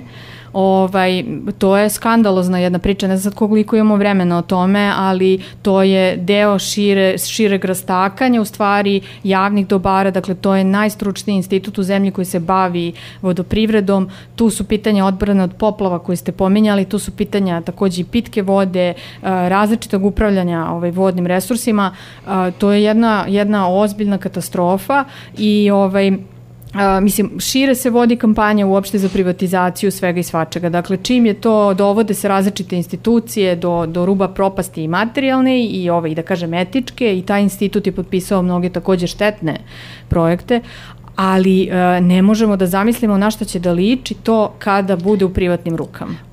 I šta je to što sada može da se uradi? Uh, za sada potpišite peticiju, sutra u podne, ja sad ne mogu da pozivam na ove javne proteste, nije, nije najavljen protest, dakle to će biti u, ispred, u Ministarstvu privrede, oni su i raspisali ovaj, taj uh, uh, poziv uh, i uh, ja, dakle apelovali smo i na medijima ste videli, dakle apelovali smo da se to obustavi privatizacija pod jedan, pod dva da se taj institut zaštiti, dakle on se bavi, on je zaista jeste od strateškog značaja i tako treba i da nosi ovaj, formalno uh, ta, uh, taj okvir i uh, da ne može dakle, da se privatizuje, odnosno da mora da služi društvu, ne može da služi privatnom profitu, da najprostije moguće objasnim, ovaj, borit ćemo se još, mislim, pratite šta radimo kao Pratit pravo na vodu, pa ćemo, pa ćemo nešto ne, već vidjeti. Pa, Razmišljala sam, pre nekog vremena sam pričala um, u nekoj privatnoj komunikaciji baš o Rio Tintu, jer ja sam znala otprilike uh, šta se tu sve dešava, ali nisam znala detalje. I onda sam pitala, dobro, šta sad? Šta, šta sad od ovog trenutka može da se uradi i šta deluje da će biti i dobila sam odgovor da otprilike pošto je ta tehnologija krenula ka, ka Srbiji, da je negde na sred okeana u tom trenutku pre 5-6 meseci bila, da ono što je preostalo jeste da se ide na teren. -huh. I onda sam nekako posle toga bila pod utiskom i razmišljala pa dobro da li, da li će tako izgledati borba za svaki. Hoće. A deluje da hoće. hoće. I onda je samo pitanje hoće. da li smo mi svesni da Da. I da li smo spremni da, da to i uradimo. Mislim da pa, postoji, ove, mislim da postoji jedna stigma a, tih protesta, sad zato što ste to pomenjali, da je to nešto sada da ti neki ljudi što se bune, oni pa oni bi se bunili oko svega, dakle da ima a, jedan... Srbi se uvek nešto jeste, bune, da, da, to kaže naš to predsednik. Sve, sve smo mi nešto, pa onda ima drugi, drugi narod, to smo isto u ovom istraživanju a, što, što ćemo sutra predstaviti, ovaj, a, užasno je jak sentiment da smo sami krivi I to je strašno. Dakle, da mi zapravo ne očekujemo, ovo što smo pomenjali, da institucije stvarno nešto rade, da postoje neki moćni ljudi, da postoje neke moćne kompanije, da postoji a, neki ljudi koji štite valjda javni interes u ime svih nas, da smo to nekako popili smo tu priču koja stalno dolazi od vlasti sa svih medija, da smo mi u stvari katastrofa, da smo mi krivi, ne znam, sad na primjer meni je to baš karakteristično za otpad i, i za tekstilni otpad takođe, dakle za sve to, dakle da vi stalno krivite ljude, oni bacaju otpad, oni, evo mi koliko proizvodimo đubreta. Naša reciklažna industrija je katastrofa Dakle, mi se sada pitamo da li ćemo da spaljujemo, ćemo da gomilamo taj otpad, šta ćemo radimo sa tim. Dakle, to je stvarno pitanje za institucije, to su ogromni sistemi koje mora da uredi država. Znači, kako god ga uredi, ali mora, ona nekako mora da se reši, da to reši. I onda mene strašno me pogađa kad ljudi gledaju na te proteste, pa dobro, to su neki ljudi, pa jeste, ali on sutra ode pa baci, ne znam, karton od nečega na ulicu. Dakle, ljudi, o čemu pričate? Ljudi se drugačije ponašaju drugim zemljama. Dakle, u skandinavskim mm. zemljama, u nekim drugim zemljama se vrlo drugačije ponašaju jer postoji uređen sistem u kome oni imaju svoje mesto, svoju ulogu i naravno da će mnogo bolje doprineti tako. Kod nas to ne postoji, i neću uopšte da čujem, to me strašno iritira, neću da čujem kad se neko pobuni to protiv ovih ljudi na ulici što protestuju protiv ovih seljaka, jeste pa sad oni hoće, dakle ne, ti ljudi su sve u pravu i nismo, dakle nisu sami građani krivi, sami građani mogu ili ne moraju da učestvuju u nekim procesima, ali te procese oni nažalost u Srbiji ne kreiraju uopšte. Je, to, izvinjavam se. Samo da kažem ovo, evo usput, neću da... Recimo, čitala sam neki dan u politici, bog zna kako, kao da je to ne znam kakva vez, dobili smo, Beograd je dobio od Nemačke 150 kontejnera za đubre. To je bila vest. E smo otvarali sa crvenom To je posle posete Merkelove, valjda nas je častila za Rio Tinto, ne znam. Pa slušajte, ali to piše baš krupnim slovima onako. Ne, htio sam da malo ovo Iva što je rekla da, da taj teret na građanima, to isto ko hoće da prati temu pa može malo da ovaj, uh, razmisli o sledećoj stvari. Uvek kada vidite da, da kreće ta distribucija odgovornosti, da, da znate da nešto nije u redu i da u stvari postoji verovatno manje njih koji su odgovorni za nešto. Najbolji mm. primjer je zagađenje vazduha i stalni pokušaj da se prebaci problem zagađenja na automobile. Vi ste krivi, imate stara kola, puno vozite, šta će vam dva auta za porodicu, eto vidite koliko automobila u Beogradu, bla bla bla i tako dalje, a mi koji kontrolišemo termoelektrane, koji smo uvezli kompanije koje se ne pridržavaju ekoloških standarda, koji smo dopustili da se koriste goriva koja nisu ekološki prihvatljivi i tako dalje. Mi nismo krivi, ali svi vi ste ostali krivi što imate ta silna kola i kad, onda, kad kažu kola, onda vam ka, kažu u stvari da ste vi krivi i tako se skloni odgovornost sa svih ovih mm. Koji treba da, voz, da, da kažem da vode problema o tome da sistem funkcioniše i onda počne priča o kolima i onda ljudi krenu da pričaju šest meseci o kolima i tek po šest meseci neko se seti i kaže e, a da nije možda izostao zakon, da, da nije možda izostao zakon o redukciji emisija gasova na ođacima iz termoelektrana. Jao, pa jeste, ajde da ga odložimo za još dve godine. Da, da, da, upravo, tako. da, upravo I to, to stalno tako. Mi smo krivi da. što smo bolesni, zato što... Između ostalo. Da, e, slušala sam, to jest čitala sam, pre nekog vremena je bio ovaj UN summit um, o klimatskim promenama, dakle na kom su se um, analizirali rezultati i da li su postignuti ciljevi kojim su, e, kojim, na koje su se obavezale države potpisnice Parijskog sporazuma i otprilike mi deluje da je generalno uh, poprilično razočarenje. Da, pa da, može da priču da, o klimatskim promjenama sad, mada... ne, ne htjela sam da kažem sledeće. U svakom slučaju, uh, jedan od panela je bio i uh, otprilike su ljudi rekli vreme je da pojedinci shvate svoju moć koju imaju, uh, a način na koji to mogu da rade jeste da shvate da mogu da utiču na to svojim novcem, svojim glasovima I još je jedna stvar I još jedna bila, da, ne mogu da se setim, ali u suštini da, možemo da razmišljamo kome dajemo novac. Da, to sigurno. Kome dajemo glas da odlučuje od... omiljeni pokret što se tiče klimatskih promjena, to možda možemo i da razmišljamo ovde za život sredinu na neki način da, ovaj, kako bi to implementirali, ali omiljeni uh, pokret mi je takozvano deinvestiranje da vi pozivate, posebno u zapadnim zemljama gde postoje ogromni ti razno razni fondovi i ulaganje u razne deonice, imate recimo univerziteti veliki u Americi, oni imaju svoje deonice u raznim kompanijama, između oslog uvek su volili da imaju deonice u naftnim kompanijama, zato što su bile sigurne i ovaj, što su donosile sigurnu zaradu iz godine u godinu. I onda je ogroman pritisak koji krene i od studenta, i od profesora, i od javnosti, zahteva se od njih da povuku svoj novac iz tih kompanija. Nemojte da imate novac u naftnim kompanijama, naftne kompanije su prvi na listi otkrivaca za klimatske promjene i ajde više da nas ne interesuju one. I malo po malo počeli su da se, da se povlače, da kažem. Tako da nas među američkim univerzitetima postoje trend da se ti deinvestiraju iz naftnih kompanija. To postoje neka vrsta standarda i naravno da ih to žulja. Isto je priča za ovu malu Gretu Thunberg. Na sastanku OPEC-a ovaj, kako se kaže, predsedavajući kaže najveća pretnja za naftnu industriju na, na svetu je Greta Thunberg. Sad zbog čega? Neće sad Greta Thunberg da ide da, da zapuši rupe ovih naftnih bušotina pa neće moći da izloče naftu, nego Greta Thunberg priča drugarima kako je bez veza se voze više benzinske automobili, upropašćemo planetu gde ćemo sutra živimo i onda svi ti mali drugari kada do kući kažu mami i tati, e pa neću sad benzinski auto, kupi neki ovaj ekološki ili što, šta ti meni ono, ja za 10 godina ti ćeš da u, ono... A politium idi u Srbiju. A politium, to je sad druga priča posebno. e, e, ja, ja ovaj, mislim, meni je super, o, super mi je ovo celo društvo i ovaj razgovor, ali moram sad malo da se ne slažem. Odnosno, e. ne da se ne slažem, nego da zategnem, ovaj, zna Vladimir. Um, Na to sad uh, budite odgovorni u svoja četiri zida, ove, u svom domu, nemojte da investirate u naftne kompanije i ostalo. Meni je glavna stvar, organizujte se.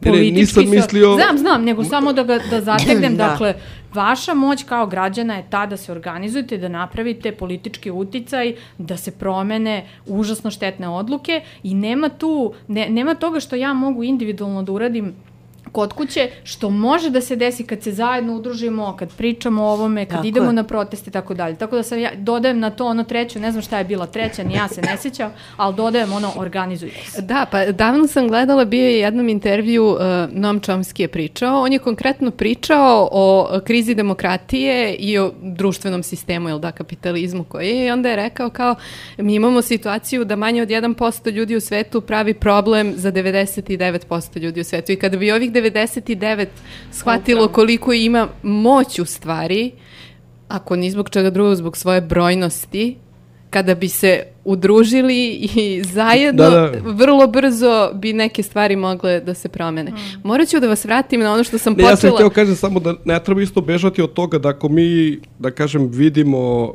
ne krivca, ali nekog ko radi stvari koje su neprihvatljive, ne treba bežati od, to, od toga što je neka uh, vrsta jav, njegove javne izloženosti u smislu direktnog, da kažem, izlaganja te Pa nije on zaštićen to. Pa to, to. Da. Tako da ne, ne trebamo nikad ni od toga da bežimo. Znači, treba osuditi. Ako znamo da je X, Y kompanija radila to, to i to. Ne trebamo sad mi da kao nešto, da budemo prema njima dobri, pa da nešto možda njima ne, ne znam nija šta uradimo. Treba vrlo otvoreno prema tome ići čak po meni treba na neki način ne promovisati tu vrstu ponašanja, ali treba isto ljude ohrabrivati da ono, u, ka, šta god čuju da razmisle malo kakav će stav da zauzme, zauzmu i šta će, šta će da misle.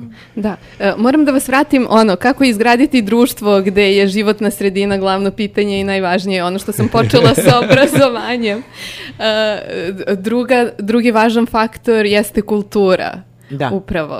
Um, Svetlana, šta biste vi rekli, koliki je značaj kulture u obrađivanju društvenih i u ovom slučaju ekoloških tema i koliki potencijal Veliki je značaj kulture u svakom smislu, znate, ali to je nešto, vi sad kad je kultura nažalost ugrožena i ovaj, ćušnuta je negde onako i ona je ipak jedna žilava biljka pa se bori, ali je baš potisnuta, potisnuta i tako dalje. I sada se nalazi u potpuno jednoj nezavidnoj situaciji, jer kako bih rekla, ne znam sad, teško mi je da to definišem, znate, i suviše ima svojih sobstvenih problema za svoju onu funkciju osnovnu, razumete, da bi mogla da je razvije, tako da zaista za sada se ne primećuje e, nekakav uticaj na ovu drugu oblast, konkretno ovu o kojoj sada govorimo. Jer Videla sam kad ste mi predlagali pitanja da postoji neko da li će se e, da li su se da li se odazivaju filmski stvaraoci pozorišni pa, pa pitanje je da. obzirom da i u svetu sad vidimo brojne dokumentarne filmove koji i neizmerno imaju veliki značaj u informisanju ljudi i edukovanju uh, zanima me da li mi na domaćoj sceni u filmskoj pozorišnoj produkciji imamo predstave filmove serije koje obrađuju probleme mm, ekologije nemamo još zato što kultura ova koja je kako da kažem, ako radimo, govorimo o fikciji, kao što su filmovi o pozorištu, koje, dramska literatura, a onda ovaj, o, o filmovima, rekla sam, i serijama i tako, e, tu je potrebno vreme. Još treba da se, pre svega ovo, mi se sad nalazimo u šoku jer smo napadnuti, čitavo društvo je direktno napadnuto sa svih strana, to su strele uperene na mnogo, mnogo punktova u ovoj našoj maloj Srbiji. Ljudi su tek u, u, u fazi osvešćivanja, A za kulturno stvaralaštvo ovaj, pogotovo ove vrste, film, televizija, film, ovaj, ne govorimo dokumentarno, dokumentarci već sada imaju mm. i tekako materijala ima, ima, da, šta da. da rade i ja stvarno nisam pratila njihovo delo, ali verujem da tu već imamo, možda Iva I Ima Gmizić baš da, radi dosta da, ovaj, i radi to, o malim hidroelektranama i drugim. E, Dokumentarci... To ide i to je, to je nekako i razumljivo, ali ovo drugo zaista je potrebno da, da se ljudi slegnu, da, da, da krene da razmišlja uh, prosto sa kog aspekta da sagleda za svake takve događaje koji su zaista dramatični, treba da prođe izvesno vreme, ne da prođe vreme zbog toga da kad se skloni ona iz političke scene pa ćemo onda da pravimo o njemu i tako dalje. Ne, ali ovde je potrebno vreme. To je što se tiče, razumete, ove, ove vrste produkcije. Jel? Ali recimo, evo, doćemo i do Bitefa ove godine. Pa da, e, da, možemo i sad. Dakle, Bitev je, ovogodišnji Bitev održan je e, pod nazivom Na ivici budućnosti i e, svo troje ste bili deo Biteva. Yes. Vi ste Svetlana i otvorili festival. Da. Um, ko, koliko je važno i šta mislite da su efekti uh, pozitivni uh, što je o, ovako jedan festival uh, jako je značajno. Jako bio je posvećen u stvari temi, temi Jako je značajno i bravo, krize. bravo za tu, kako da kažem, tematiku koja je stvarno u pravom trenutku. Međutim, uh, ja sam gledala, nažalost, samo pošto sam imala svoje probe generalne i premijeru u, u, jugoslovenskom i tako, gledala sam samo tu prvu predstavu u Nemačku koja se zove Tragovi.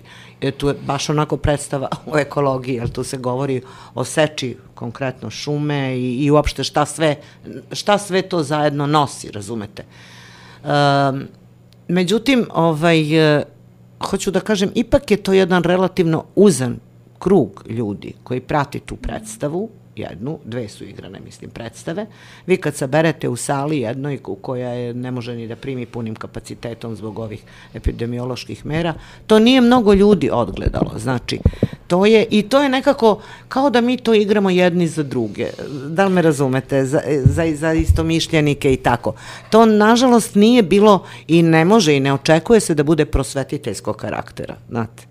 Meni, meni je nekako utisak bio da je pozitivan aspekt što ipak je Bitev prisutan u medijima dosta. Neka. I onda se nekako ta tema uh, ekološke uh, krize ipak provukla po medijima koji ne izveštavaju uh, u meri u kojoj bi trebalo. To je tačno. Ali mi je, i to, to mi je isto i bila inspiracija za ovo pitanje, postoji li domaća pro, pozorišna i filmska a, produkcija koja se bavi temom ekologije, jer smo baš na Bitefu imali priliku da vidimo Jeste. strane produkcije. Pa oni su u svemu tome otišli da, daleko ispred nas, pre svega u ekologiji, u, za- jel? I ovaj, tako da ovaj, to je meni nekako i razumljivo. Mi jednostavno kasnimo. Ali bi, ja verujem da će toga biti. Pa mora biti, zato što stvarno... Suviše su uzbudljive te priče da ne bi bile ekranizovane na Da, neki da, način. Pa, to ima evo, dobrih priča. Da, evo ja moram da, da, da kažem da bih ja e, mnogo više voljela da vidim takvu tematiku nego drugi i prvi svetski rat u krug. Da, da.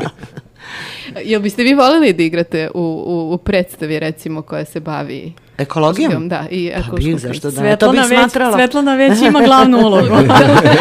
Ne, to bi smatrala svojom dužnošću, da vam pravo kažem. Nadamo se da će biti. E, Vezano za Bitev, e, premijerno smo imali priliku i da se upoznamo sa jednim projektom gde je upravo Vladimir e, uključen, a to je Green Art Inkubator. Da.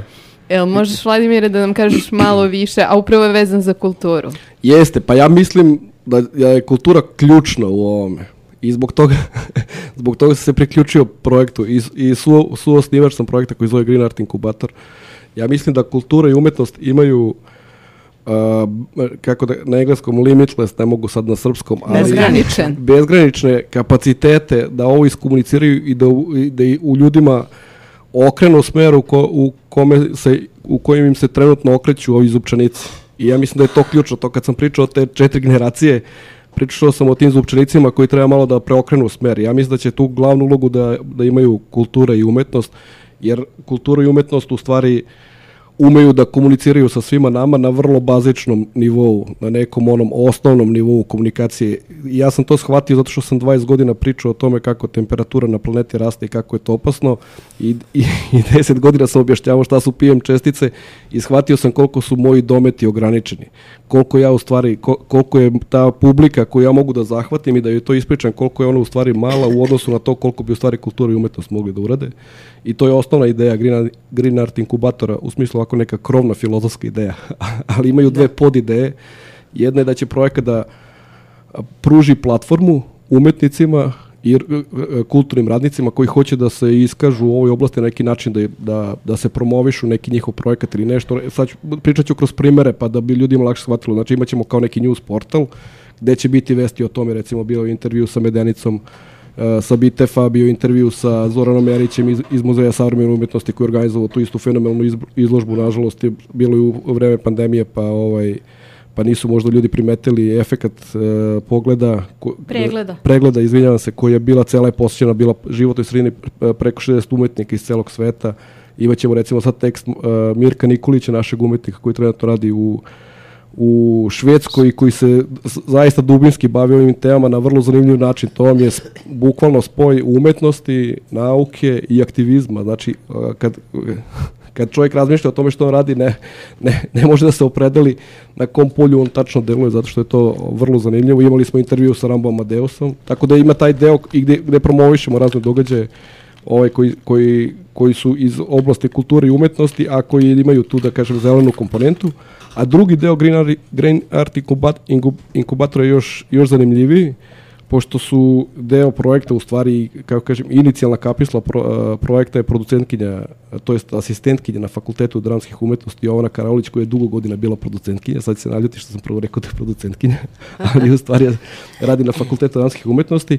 I to je deo u, okviru koga ćemo mi pokušati da e, institucije kulture počnu da razmišlj, razmišljaju ne samo o tome da u okviru njihovih programa imaju ove teme, nego da one same na neki način počnu da preoblikuju sebe da budu zelenije, opet po znacima navoda. I sad šta, je, šta bi opet bio primer da bi ljudi shvatili? Jedan od tih naših e, zamišljenih projekata u početku kad smo pričali jeste da recimo od svih pozorišta u Beogradu napravimo solarnu elektranu.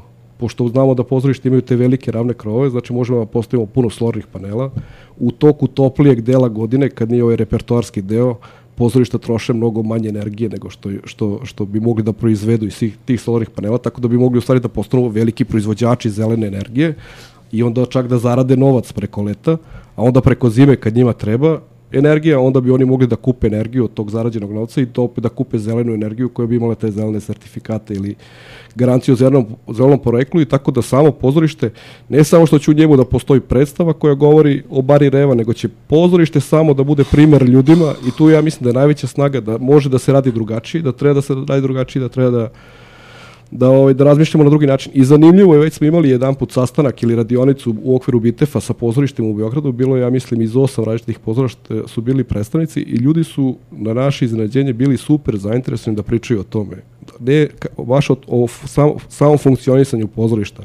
Osećaju potrebu da to treba da se promeni, i dalj, ali se ne osjećaju, kako da kažem, treba ih osnažiti u smislu po meni samom činjenicom reći, e, to što vi tako razmišljate nije to ništa devijantno, nego je baš onako kako treba da razmišljate. Niste usamljeni u tome što tako razmišljate, ima nas puno, hoćemo svi da se skupimo i da smislimo kako će to da izgleda.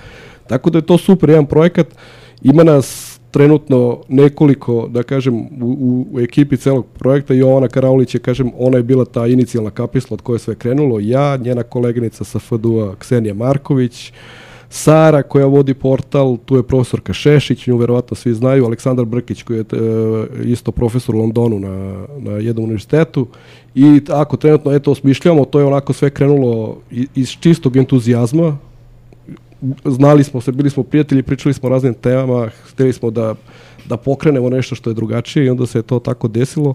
Zadnjih dve nedelje smo u nekoj vrsti malo hibernacije, ali mislim da ćemo uskoro krenuti i imat ćemo još puno zanimljivih akcija. Super, pratit ćemo šta radite. Došla bih do sledećeg važnog aspekta, to su mediji. Vi ste svi prisutni u medijima, gostovali ste, pričali ste na ovu temu. E, I sa te strane, ali i sa strane kada slušate vesti i slično, kakav je vaš utisak? Kako mediji obrađuju i da li uopšte ovde obrađuju temu ekologije zaštite životne sredine? Pa kako obrađuju? Opet, ja, izvinite, ja moram se smejem. Stvarno nikako je ne obrađuju, nikako, nažalost.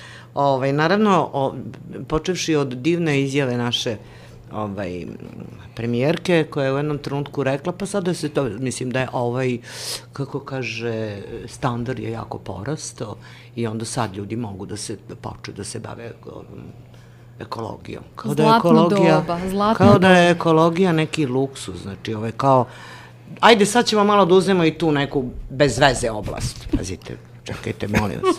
Pa zar, evo vi, i vidite, i vi se smete. pa kad ne bi bilo tužno za plakanje, ono je za smejanje. Eto tako, ali u svakom slučaju niko vam sada, sada se stalno, ovaj malte ne govori, od, od onda, od bare reve pa nadalje, se govori u tim obraćanjima da je svakako i ekologija važna, da će učiniti sve. A to je tako jedno opšte mesto, razumete? I šta to znači takva jedna, jedna do dve rečenice, kad s druge strane imate ovu opasnost, opet ja, od aždaje koja nam preti, ode, ne znam, višeglave aždaje je od Rio Tinta i od takvih stvari. A ovamo ekologija je sve, u, Bog zna kako, pa mi naravno uvažavamo ekologiju. Od toga mi nemamo ništa. E, htela sam da kažem, e, letos, e, ovog leta imali smo baš nekoliko ekstremnih vremenskih katastrofa širom Evrope, počeši od uragana u sred Kopna, preko poplava u zapadnoj Evropi, do požara po celom Mediteranu. Uh, Mislim, meni je lično bio utisak kao da gledam trailer za smak sveta. Samo je falio naslov, očekujte sve, odjednom, bukvalno. Ali mi je bilo zanimljivo uh, uh da ispratim kako mediji izveštavaju o svemu tome. I dakle, ako traje prilog 5 minuta, recimo, ide uh, 4,99 sekundi statistika podaci, koliko ljudi je evakuisano, koliko kuća je stradalo, šta se desilo i tako dalje. U poslednjoj rečenici ide, eto, e, klimatske promene su sve veći problem. Kraj priloga. I to je to. Kao da, da je to neki neidentifikovani leteći objekat. Teško je, zato ja kažem da je... A umesto, da, umesto, e, upravo to, umesto da se iskoristi taj, uh, taj vremenski prostor da se kaže klimatske promene koje su uzrokovane zbog toga, toga i toga, dovele su do toga da imamo ovo, da se ljudima da informacija i kontekst i šta se tu dešava i zašto. To je upravo ono što sam malo prepričao. U, super je teško komunicirati tako abstraktne stvari, čak je teško im, da kažem, e, ne da je teško medijima, nego mediji trebaju da nauče da komuniciraju takve stvari mm. i, i njima ide sporo učenje, ali zato je ova priča malo pre oko Green Art inkubatora i moje mišljenje o tome koja je um, uloga umetnosti i kulture, ovaj, e, umetnost i kultura umeju da, da probiju te barijere. Ne, nećemo nikad trebati da mi znamo sad koliko ima ugljen dioksid u atmosferi, koliko, koliki je taj efekat u vatima po metru kvadratnom, koliko je e, zadnjih 10.000 godina kako izgledala temperatura na To sve znaju naučnici, to smo završili. I kog interesu nauka možda sedni da čita, ali pošto za taj preokret, za to kretanje tih zupčanika u suprotnom pravcu treba malo više od brojeva, ti koji mogu jedini da pokrenu zupčanike u suprotnom pravcu jesu ljudi iz umetnosti i kulture. I uključivanje ljudi iz umetnosti i kulture, ovaj, danas imamo e, gospođu Svetlanu, je po meni jedna od ključnih stvari koja isto priča o preokretu u kome živimo. Tako da ti ljudi koji mogu da dosegnu ja, ja kažem opet, mogu još 20 godina da pričam o PM česticama, ja neću nikada da ljude taknem na način kako će da ga takne neko ko je recimo glumac i kog znaju sa ekrana i u koga imaju da. poverenje i koji ume da iskomunicira ono što je njima važno, jer vi kad gledate film vi komunicirate na nivou emocija, i neko vama prenosi neke emocije i vi razumete te emocije i kad taj čovjek kaže, e ljudi, aj se opasuljimo, ovo je važno, ovo nije priča za pet minuta, ovo će da se odrazi na naš život narednih 100 godina, ta će ta, njemu će lakše da mu klikne zupčanik nego kroz moje brojeve. Nemoj tako, Vlado, meni ti kad pričaš, ja uvek ovako se... zato, što si, zato što smo iz istog balona, ima puno koji da, da, nisu da, naše balona. Htela sam da kažem jednu stvar, tako nekad kad razmišljam o društvu i o promenama, um, nekako da, kreće sve od aktivista, ali jako veliki zamah uh, u širenju ideje uvek daju akademska i kulturna zajednica. Jer nekako da. upravo to što je, što je uh, Vladimir rekao, uh, ljudi umetnicima, konkretno eto vi ste primer, glumcima i slično, veruju, poštuju ih uh, i prosto žele i da ih čuju. A, to je drugi nivo skoro komunikacije u odnosu na to kako nauka komunicira da, s ljudima. Yes. Znači, yes. da. Ja, nauka je tu I ja zato, jedan isto razloga što idem na proteste. Ja idem na proteste kao neka vrsta sertifikata tog ISO standarda koji kaže, e, ove ljudi što pričaju ovde, to je tačno zato što sam ja bulio u brojeve zadnjih pet godina. Nemojte da dovodite to u pitanje što oni pričaju. Ja sertifikujem protest u tom smislu. ali sama komunikacija, da kažem, i uh, taj, opet da se vratimo na zupčanike, pokretanje zupčanika u suprotnom pravcu, to sa brojevima neće nikada se desiti. To će se desiti kad budemo bili u Space Shuttle svi u onom Star Treku. Ali mi je i pozitivna stvar, ono upravo što mislim da je isto još jedan od efekata vašeg odlaska na baru Revu, uh, jeste što smo posle toga videli da nakon dugo perioda kad su, imam utisak da su se umetnici povukli neko vreme u komentarisanju društveni, da. društvene situacije i svega što se dešava. Nakon vašeg odlaska na Revu videli smo, usledio je posle nekog vremena protest ekološki i mnogi, mnogi glumci su posle dosta duže vremena da. izašli i stali i podržali, čak su i govorili, vi ste prvi mm. govorili na da, protestu. Da. Ali mi deluje da ste to nekako pokrenuli i mislim, isto se slažem sa, sa Vladimirom da je to jako, jako važno. I nekako mi je drago da to vidim da se pokrenulo? Pa pokrenulo se, jeste. I sada, evo, ovaj, mi sad pravimo jedan dogovor da se skupimo i da odemo početkom e, decembra, da odemo u tu gornju nedeljicu, da odemo na teren, da vidimo te ljude. Oni su bili ovde u Beogradu, ali sad idemo mi kod njih u posetu i to će biti baš grupa, grupa glumaca. Mm i glumica. Da, da, da. Ja mislim da je to zato što je, ja sam baš, baš sam razmišljala kako se to sad ovaj, odjednom desilo. Nije odjednom.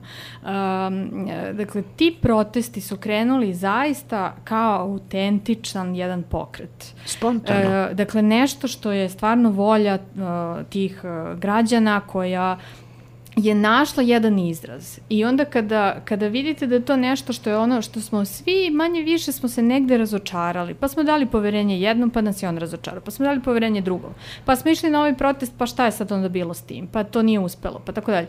I onda imate ovo što je jedna potpuno čista priča. Dakle, ljudi se bore za nešto što je stvari za sve. Nije njihov partikularni interes, nije pitanje samo njihove firme, nije pitanje samo, ne znam, sad različitih društvenih kategorija, pa sad studenti se bore za ovo, poštari za ovo, majke za ono, dakle, nego je ovo stvarno nešto što se apsolutno svih tiče i mislim da su tu onda ljudi iz sveta kulture videli konačno da, su, da, da ste vi svi sad ja, ovaj, ali da. stvarno imam utisak da su ljudi želeli nekako da prinesu boljem društvu i da su onda videli ovo kao jedan put koji je autentičan i koji je, da kažem, nekompromitovan još uvek.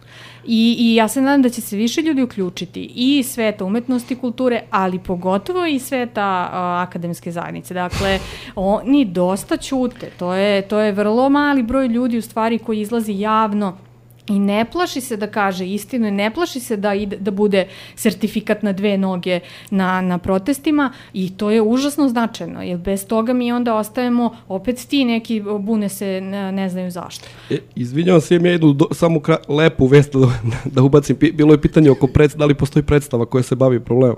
Postoji predstava, studentska predstava sa festivala studentskog FIST, zove se Mama i to je, ja, ne znam sad, ovo je, ovo je mali poziv za sve istoričare pozorišne umetnosti u Srbiji, to je, ja verujem, prva predstava čija je tema klimatske promjene i odnos ljudi prema planeti Zemlji.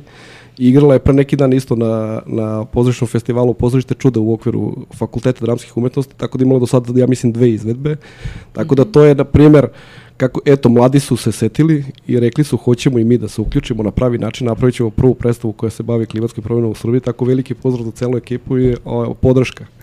Evo i mi ih podržavamo, da. ja, jako nisam videla, ali u svakom slučaju ako je takva tema, da, da. da. E, koliko je važna saradnja i povezivanje do, za promenu. To je najvažnije. Ovaj, mislim, to je, to je recimo misija ovaj, naše, naše organizacije, kako smo krenuli tim, sa, sa tim da voda povezuje ljude, ali sad smo potpuno i van vode. Ovaj, mi smo se potrudili oko prvog ekološkog ustanka i oko drugog da okupimo što veći broj organizacija i da oni budu uključeni direktno, dakle da to ne bude samo sad, evo, mi smo nešto postavili, dođite da budete publika, nego da daju svoje zahteve, da učestvuju. Dakle, mi smo na prvom ekološkom ustanku uh, okupili preko 70 organizacija koji su potpisali zahteve. Sastavili smo zajedničke zahteve, tako da niko nije bio isključen. Uh, dakle, sve smo to nekako pokušali da napravimo u jedinstven ekološki front. I ono što je što je iz toga najvažnije da to opstane, odnosno da to postane održivo i da to traje. Nevezano ko je na vlasti, nevezano ko je po institucijama, da li će neko otići u politiku od svega toga. Dakle, da Srbija ima svoj a, zeleni ekološki front koji a, a, u najboljem slučaju diktira šta će se, o čemu će se pričati.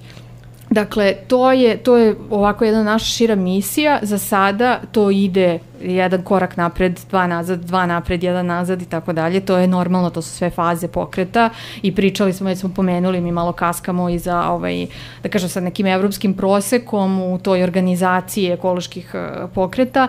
Ovaj, uh, I to je sve mlado i rovito i mislim da svi treba to da podržimo, jer uh, koliko god sa tu ima različitih nekih grupacija sa različitim pričama, inter, istorijama, dakle kao i svakoj oblasti, ne znam, sad neko se bavio nečim pa sad mu zamerate nešto, to je, to je najnormalnije, ali um, toliko je važno da to postoji da opstane, da, da prosto mora imati bezrezervnu podršku. O, nema ono, ali sad ja idem na proteste, ali u stvari ja sad ne verujem. Ne, dakle idemo, podržimo to i, i uh, jedino tako, dakle mi smo zapravo dosta slabi, dakle kad pogledate šta radi, na primjer Rio Tinto po drugim zemljama, a ovaj, meni je skoro prijatelj koji žive u Australiji pričao a, da je on toliko, on je bio užasnut, on je pao u depresiju kad je čuo uopšte da se sprema da, da na jednu malu Srbiju, dakle da na jednu tu malu zemlju udari takva kompanija koja je napravila haos, dakle to su... Gde god su bili. De, gde god su bili, dakle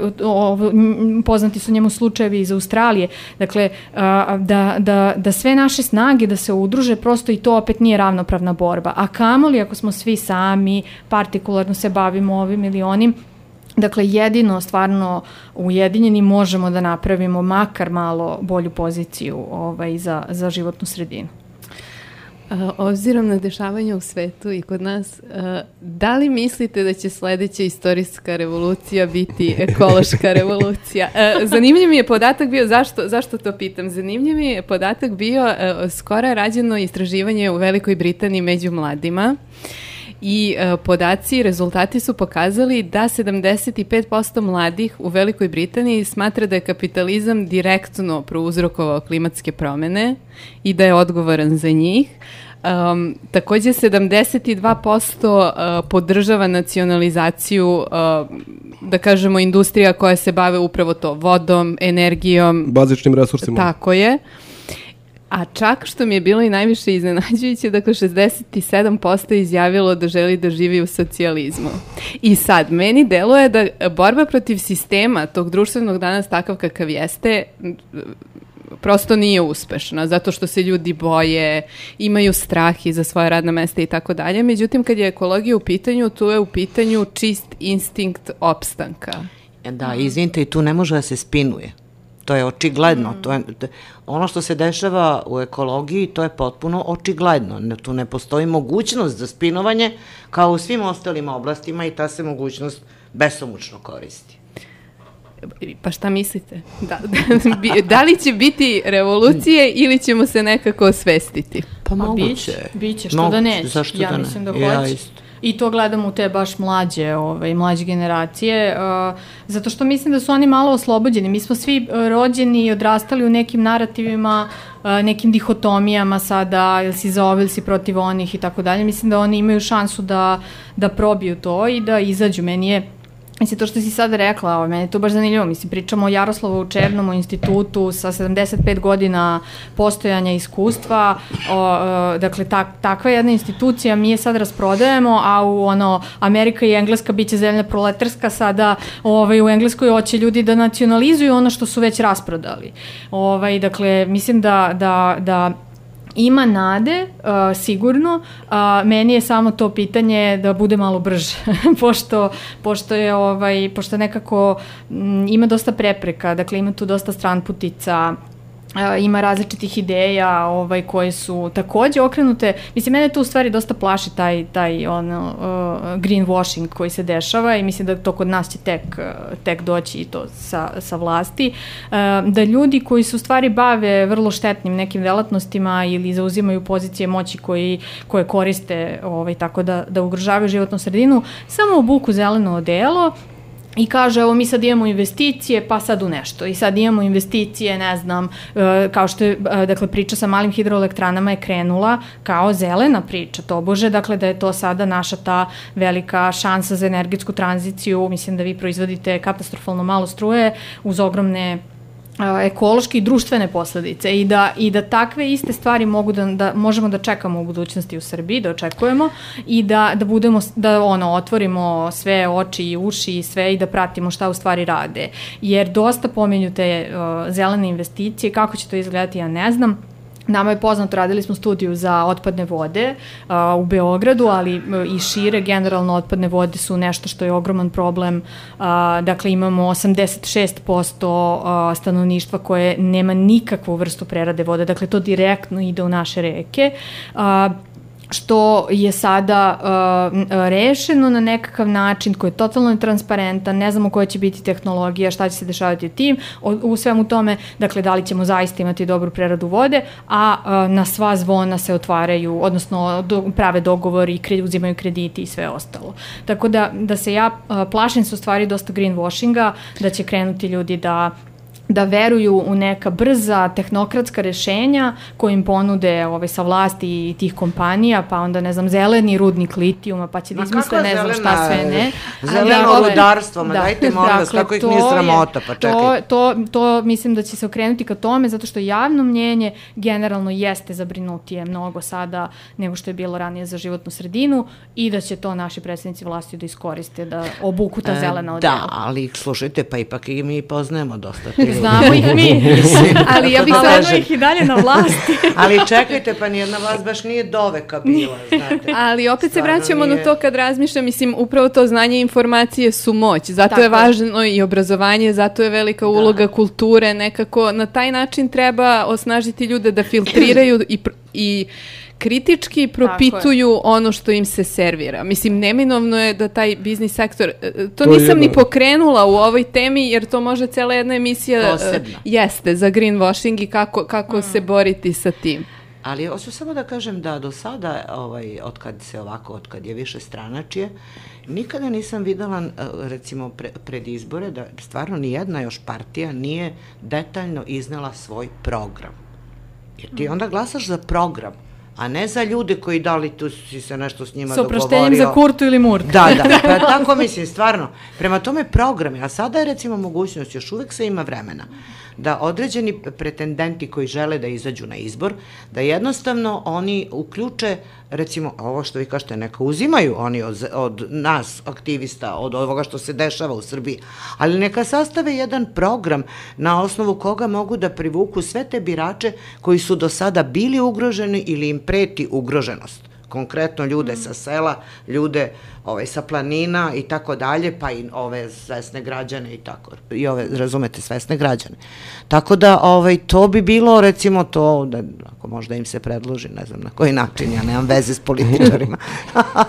I ne bi ni imala da ne moram. da. Pa to, to je to, dakle jedan od načina borbe jeste glasanje za zelene ideje, ali neko mora i da nam ih uh, ponudi Pa mora da ih ob, napiše, da ih, da ih iznese, razumete. i da zna šta treba da se radi. Ima, ima tih Da. procesa, ima procesa. Ja mislim da je merljivo kod nas to sad u ovim tim političkim ovim anketama i to kad se prebrojavaju za izbore. Ja mislim da je ekologija postala merljiva tema i da će zbog Jest. toga čim postane merljivo u njihovim tim uh, anketama odmah će početi oni malo ozbiljnije da razmišljaju o tome.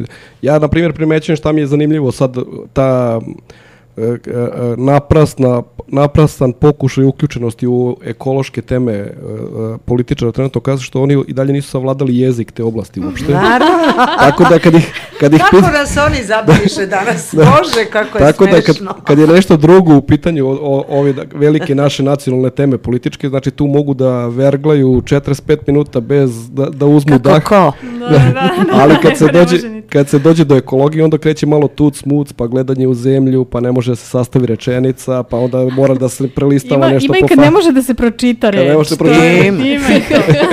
Ima, ima, E, da, to je da, dokaz da. samo da ih i da, mi, da koliko ih nije interesovalo da nisu mogli da nauče ni, ni jezik toga, ali sad se to popravlja zato što ja mislim da postaje merljivo, ali mislim da i dalje nije merljivo na na tom nivou da će postati apsolutno politički relevantno, ali si u budućnosti sigurno. I kad je u pitanju revolucija, ja ću opet malo četiri generacije, pet. A nemoj ti ja naopak. unapred. Ja mislim da ljudi će shvatiti kao vrsta na planeti Zemlji da mora da redefinišu svoj odnos prema uh, planeti.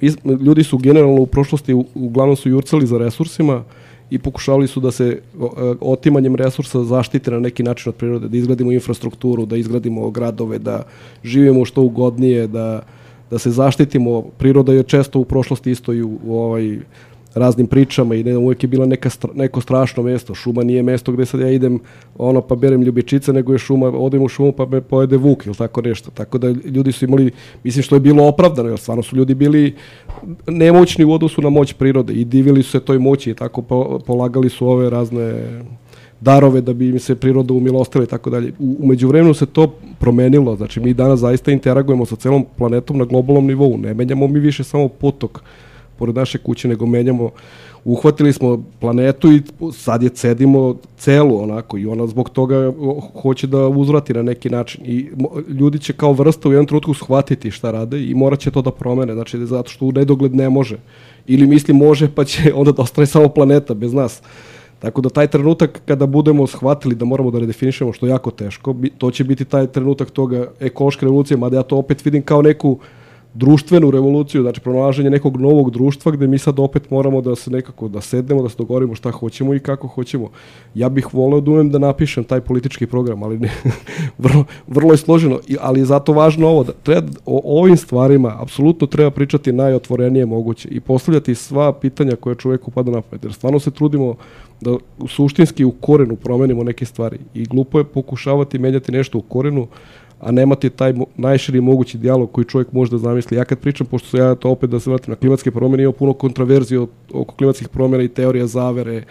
Često kad, kad držim predavanje kažem ljudima pitajte me bukvalno sve što vam padne na pamet. Znači ako imate priču o klimatskim promjenama i litijom, Rio Tinto, Sad ja mogu da kažem, ja pričam klimatske promjene su opasnost, moramo vetrenjače, moramo solarne panele. Ali ovo je konkretno. Moramo baterije i sad neko kaže, aha, moramo baterije, pa dobro, ajde, onda rudni, rudnik litijuma, ako treba da spasimo planetu, što nam je problem rudnik litijuma?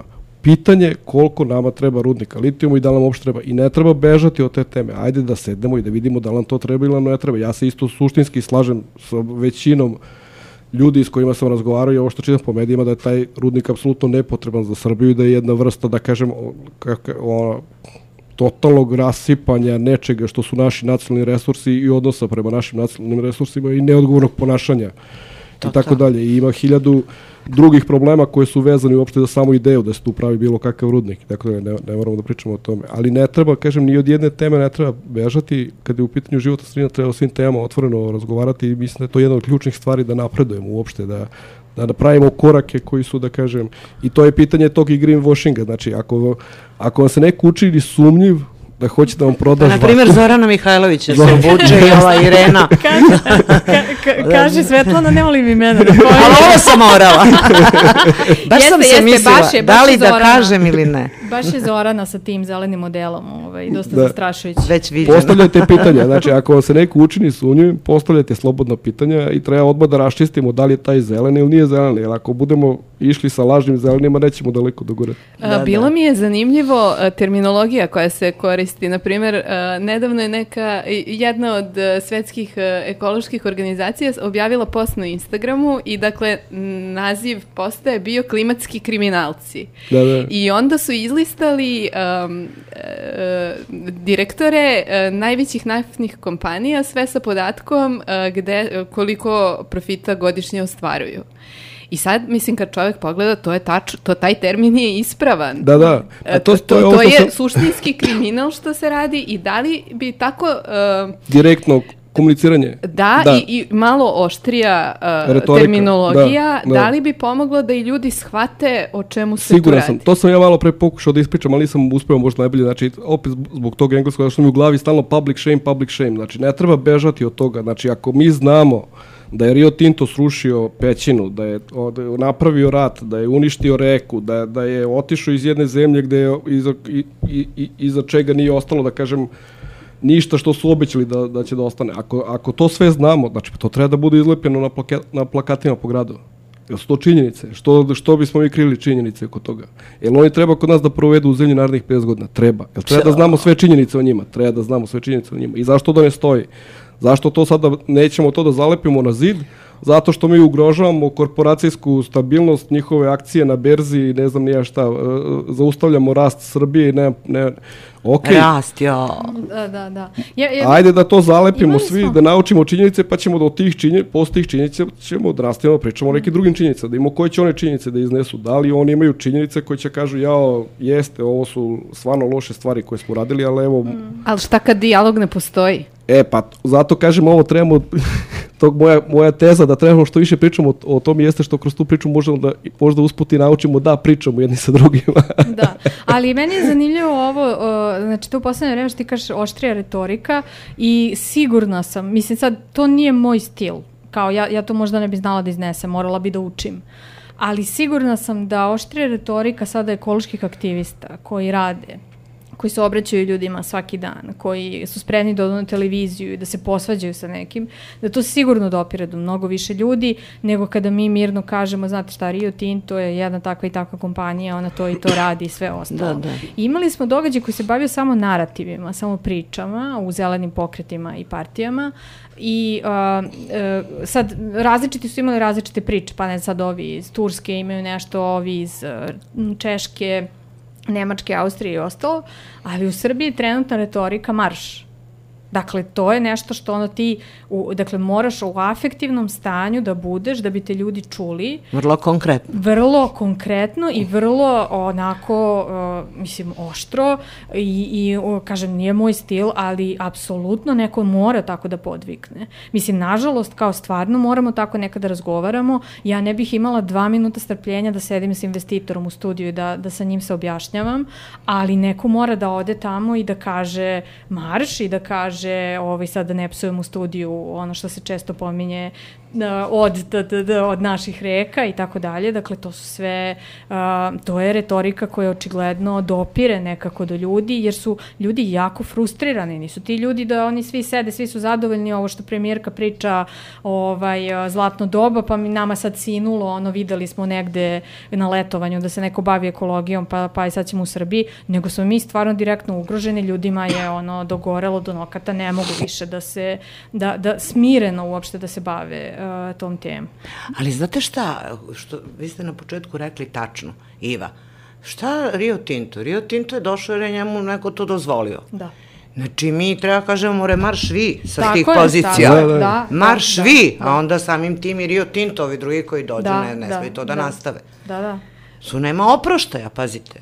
Um, mislim da um, treba da porazmislimo i o kreativnosti, na koji način se, kad se suprostavljamo i tim, jel da, privatnim. Baš smo pričali o tome jednom, ti si Vladimire rekao kako u Americi postoji inicijativa aktivista da se uragani u buduće nazivaju po naftnim kompanijama.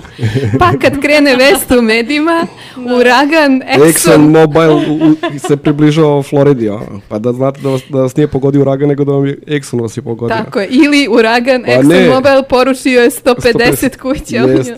Pa jeste, sva, mislim, tre- treba iskoristiti sve alate, tu je opet to, kultura i umetnost, ko ume da napravi takav alat.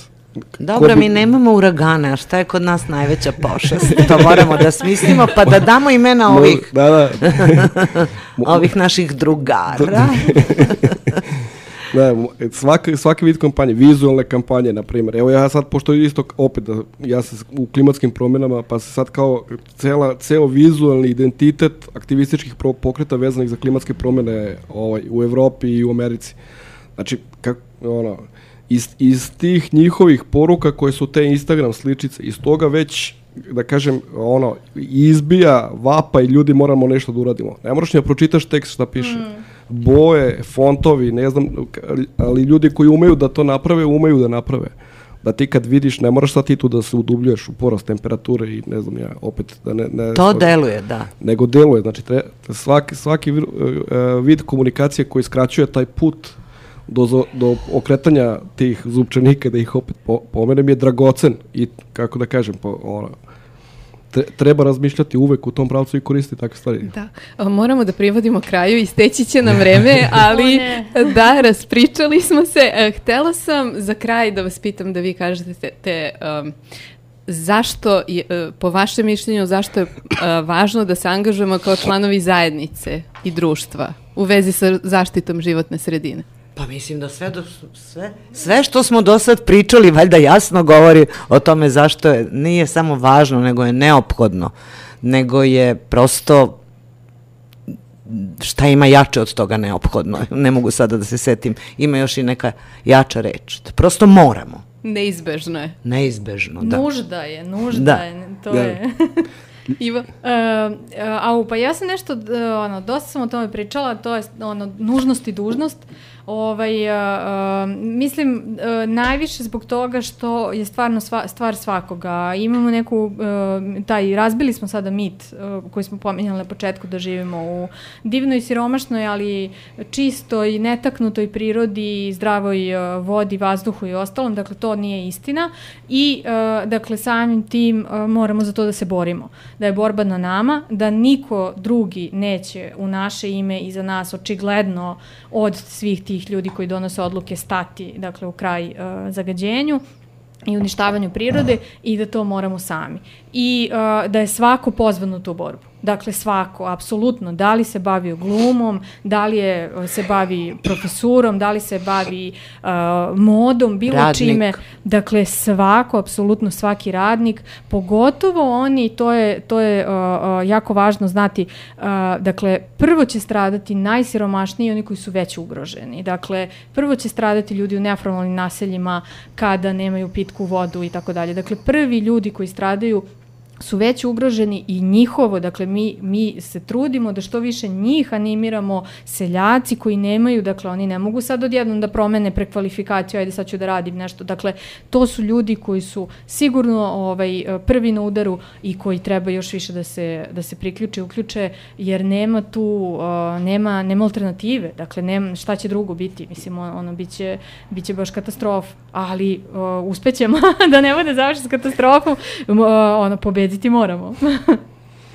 Pa ne znam, neko opet, da, smi, da smisli neku malu teoriju, da su ljudi, na primjer, ljudi su socijalna bića, moramo da živimo, ne da moramo, nego to nam je biološki da moramo da živimo u grupi, da smo u grupi i da treba da imamo grupu. Nismo ajkule da plivamo sami i da nema nikog oko nas. I sad ako hoćeš da, da drugarima bude dobro oko tebe, da imaš dobre drugare, mislim, moram da se potrudiš oko toga da da, da, da nije samo tebi dobro, nego da je celoj toj grupaciji u kojoj ti pripadaš, da je celoj grupaciji dobro, samo će tako i tebi na kraju da bude dobro. To je razlog zato zašto se borimo za nešto što je to zajedničko dobro, zajednička prava, zajedničko ovo, zajedničko ono što ho, hoćemo da budemo kao grupa zdravi, a ne samo kao kao pojedinci i u toj borbi za grupu mora svako da dao neki svoj mali doprinos da bi cela grupa bila bila dobra, tako nekako je to... Uh, volela bih samo kad pričamo o aktivizmu za kraj da uh, preporučimo film, dokumentarni Aha. film Creep Camp, uh, dostupan je na Netflixu, mislim da svima može da nam bude inspiracija za aktivizam. Sigurno, i može puno da se nauči o aktivizmu, radi se o aktivistima koji su se borili za prava ljudi sa invaliditetom u Americi i puno ljudi koji jedu u Ameriku kad se vrate kaže, jao Bože, tamo imaju svuda rampe, svako može da uđe u bilo koju zgradu i neko, vidiš kako su oni to osvešćeni pa su to lepo tako uradili, u stvari sve te rampe tamo postoje zato što je preko 35 ili 40 godine vođena bitka i koji su, tu bitku su vodili ljudi u invalidskim kolicima. I to je priča o aktivizmu, da aktivizam je ko uđe u aktivizam, trčimo maraton, ne trčimo šprint, nećemo da postanemo popularni, nećemo postanemo face preko noći, nego ćemo narednih 40 godina da izguravamo, izguravamo, izguravamo, po 40 godina ćemo da imamo ono što smo htjeli pre 40 godina i to moraju svi da budu spremni, taj film super i na mnogo različitih i dobrih načina govori o aktivizmu i opet kažem iz vrlo specifičnog ugleda što su i ti ljudi u zaista posebnom položaju i iz tog položaja su uspeli da dođu do toga da na svakom mjestu u Americi vi imate rampu za, za uh, invalidska kolica. Eto, odličan kraj. Um, hvala vam puno što ste bili danas gosti FFM podcasta. Hvala vama što ste nas slušali. Uh, sledeća emisija je um, dakle treći utorak u decembru. Mislim da je to 21. decembar. Uh, FFM možete podržati na Patreonu, patreon.com uh, FFM donja crta podcast i slušamo se dakle trećeg utorka u decembru. Ćao! Zdravo! Prijatno. Prijatno. F. FM. Razgovori o održivosti u modnoj industriji. F. FM. Samo na radio aparatu.